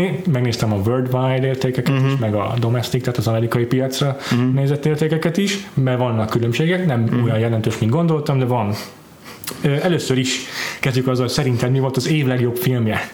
98-ról Box office-ban? Box office-ban az év legnagyobb sikert elért filmje. Uh-huh. Tippeled esetleg valamelyiket a kettő közül, vagy egy egyéb film? Én nekem az az érzésem, az Armageddon az verte a, az összes többi filmet ebben az évben. Oké, okay. egy film leverte az Egy film? Méghoz, bocsánat, Worldwide-ban az Armageddon nyert. Yes! Megdöbbentő módon yes! Amerikában viszont második helyre szorult. Nagyon érdekes. Uh, igazából két tippem van ebből az évből, hogy mik lettek, amik esetleg verhették, mert azt mondom, hogy például a Szerelmes Shakespeare az rengeteg nézőt szerzett. Lehet, hogy csak a gyártási Aha. költségéhez képest, és Aha. emiatt nem ért fel olyan magasra, de azt el tudom képzelni, Aha. vagy esetleg még a, a, a Ryan közlegény megmentése, hmm. az lehet még. Hmm. A szerelmes Shakespeare képzeld el Amerikában be került a top 10-be. Na hát. Worldwide viszont 9 uh-huh. uh-huh. Míg a, a Ryan közlegény megmentése Amerikában elcsípte az első helyet Na, az Armageddon elől, egyébként nem sok különbséggel, hmm. tehát 15 millió dollár, akkor egyébként a soknak számított, tehát nem voltak ilyen egy milliárdos blockbusterek. Uh-huh. Az első film az 216 milliót vitt haza Amerikában, aha, aha. világszerte meg 553 milliót. Aha. Ö, igen, a, Pedig aztán a Michael nem bizott semmit a véletlenre, mert ezt csak megtippeltem, aztán utána néztem, és beigazolódott, de százszerzéig biztosra vettem, hogy a július 4-i hétvégére mm. időzítette a filmjét, és így is volt. Tehát. Pontosan, így van. és a, és a, és a, tehát a, a világszerte viszont megfordult a kettőjük között a, a helyezés. Aha. Az Armageddon végzett elő ezzel az 550 milliós Aha. bevétellel, és a, és a Ryan lett a második elmaradva ettől egy jó vaskos összeggel 481 milliós bevétellel. Uh-huh, uh-huh. Szerinted mi a harmadik a két izé piacon? Csak kíváncsi vagyok, hogy miket tippelsz van egy az a nemzetközi piacon egy tök egyértelmű helyzet, amit szerintem az úgy értem, hogy egy olyan film, amit, ami eszedbe fog jutni, hogyha mondom, uh-huh. viszont meglepő, hogy a harmadik. Hmm. Amerikában viszont egy olyan film, amiről nem is emlékeztem, hogy létezik. Na hát, érdekes. Ezen kívül még tudok tippeket adni, ha Mondj valami hintet az izével. Jó, ezzel a, az amerikai harmadik helyzet uh-huh. főszereplője az amerikai harmadik helyzet egy R-rated comedy hmm. inkább egy romantikus komédia, uh-huh. talán romantikus, nem tudom, Ferrari testvérek filmje, inkább komédia, mint romantikus valószínűleg. A Keresd a nőt? Keresd a nőt! Igen. Tökéletes, ugye. Ben Stiller és Cameron Diaz. Igen, igen, igen, igen, igen, igen. Hát igen, Metascore-ban egyébként levertem mind a két filmet, amiről beszélünk, mert 69 százalékot ért földcsiszlamlásszerű, tehát ugye a Judd Apatow előtt az volt a leg, egyik legnépszerűbb. Nagyon durva, hogy komédiák igen. ilyen sikereket tudtak elérni. Nagyon. Ma már ez hallatlan. Igen, igen. Okay. És aztán abban nem voltak még szellemírtó csajok se, tehát már mint hogy ilyen high concept effektek se voltak benne, csak egy csávó, aki egy Igen. csajt meg akar szerezni. Igen. Na hát világszerte sehol nincsen a top listákon a There's Something About Me, Aha. a keresdenőt. Helyette a harmadik helyet viszont egy olyan filmcsíp ami, ami Amerikában csak a kilencedik lett. Na, érdekes. Megtippelnéd, hogy mi lehet az? Megint csak egy valami egy, egy blockbuster, Aha. egy Michael Bayhez nagyon hasonló. Roland Emmerich. Roland Emmerich. És akkor Godzilla? Godzilla. Ezzel azért lepődtem meg, mert tudtam, hogy a Godzilla-val, ugye onnan lehetett tudni, hogy a Godzilla-val egy időben volt, hogy a, az Armageddonban van egy jelenet, ahol egy kutya, kutya elkezd így szétmarcangolni a, a Godzilla játékokat. Ja, igen, az igen, Godzilla igen. játék. Ja, azt hittem, hogy az ilyen visszakacsintás a 65 nem, nem, nem, nem, nem, nem, nem, ez itt hajsz, ez itt pontosan a Godzilla ellen irányul, de úgy, hogy azt a kutyát beidomították arra, hogy ha meglett egy Godzilla figurát, akkor megtámadja. Anyád. Ennyire, ennyire fontos volt számára, hogy izé oda szúrja, mert úgy gondolta, hogy neki nem a Deep Impact lesz a veszélytárs, hanem a Godzilla. Aha. Én tökre meglepődtem azon, én azt hittem, hogy a Godzilla az bukás lett annak idején, hát. de lehet, hogy csak azért, mert hogy teljesen megfeledkeztünk azóta a filmről. A bukás is lett, mert Amerikában jó, a kilencedik helyzet az ja. olyan rossz, de azért messze elmaradt. De tök érdekes, hogy világszerte ennyire népszerű, ezen meglepődtem. Ja. Akkoriban még nem nagyon nézték a, a világszerte, tehát a világ szerte be, a, be, be, szerzett bevételt, mm. mert, mert az amerikai stúdióknak lényegében csak a domestic bevétel jelentett nyereséget. Mondjuk, igen, jó begondolva, ugye Godzilla, ami távol-keletről származik, tehát hogyha mm. az ottani piacot meg tudta hódítani, akkor így már érthető, hogy, mm-hmm, mm-hmm, hogy ott sokkal mm. többen, több embert érdekelhetett. Igen, valószínűleg ez lehetett az igen, oka. Igen. No, ö, azt nem, nem kérem, hogy tippelnek, hogy a Deep Impact hozzájuk képest hol helyezkedik el a listán. Azért az sem végzett fontos. annyira borzasztóan rosszul Aha. szerintem. Azt, azt mondjuk megtippelted, hogy mekkora különbség az Armageddon és a Deep Impact. Igen, én most azon gondolkozom, hogy a tehát szerintem a határán van annak, hogy bekerült a top 10-be a, a Amerikába. Én el tudom Aha. képzelni, hogy igen, de lehet, hogy így pont lecsúszott róla, de én azt tippelem, hogy bekerült a top 10-be. Bekerült a top 10-be, Aha. bekerült, és nem is, nem is volna egy hibás számolt azzal, hogy a határán van-e. Ugye mondtam, hogy a Godzilla a 9 uh-huh. A tizedik egyébként a Patch Adams, szintén egy ilyen Egy ilyen lehet, hogy a faszba kerül be ez egy top 10-es listába. Robin Williams. Robin Williams. Ma már is lehet képzelni. Igen. Még egy Robin Williams-el, kaliberű színésszel se Igen. tudnád, Igen. Hogy, hogy, hogy meg tud csípni ekkora bevételt. Igen. Maximum talán Tom Hanks-el lehet elképzelni azt, hogy egy ilyen nem blockbuster, nem látványfilm bekerüljön a top 10-es listába, uh-huh. viszont mind a kettőjüket megelőzte a Deep Impact a 8. helyezéssel Amerikában, Aha, tehát aha. 6, 6 helyezés választja el az Armageddon-tól. Azért nem egy rossz eredmény. Ja, és akkor hát a Worldwide-ot már nem kell külön megtippelni, ja. hasonló a különbség, hiszem, hogy meg 7 film, uh-huh. és ott a- az Armageddon első helyezéséhez képest a, ja nem, akkor 5 film, hatodik helyre szorult a Deep Impact. Szóval egész hasonlóan hozott minden, minden piacon. Igen.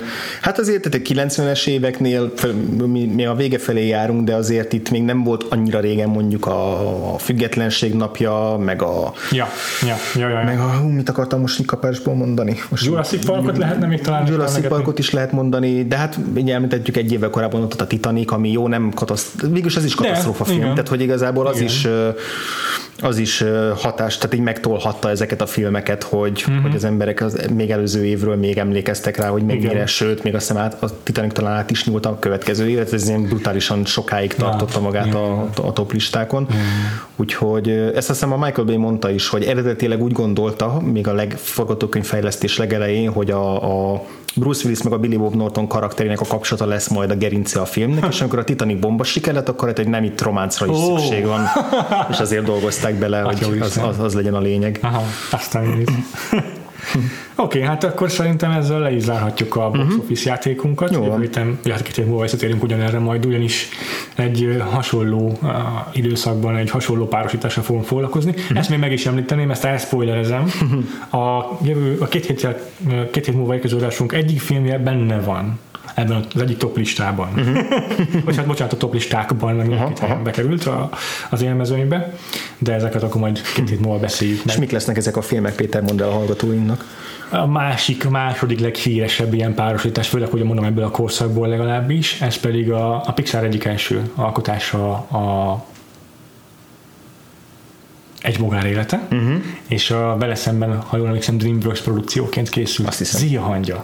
Uh-huh. Ugye akkor, akkor ez volt a nagy verseny a, a, a, két izé között, stúdió között, uh-huh. aztán ez később így eszkalálódott, a Shrekben, meg egyébekben. Erre érdekes lesz majd jövő hét, vagy két hét múlva kitérnünk. Igen, de, de ez a két ez film, ez furcsa módon közel került egymáshoz a megjelenésük.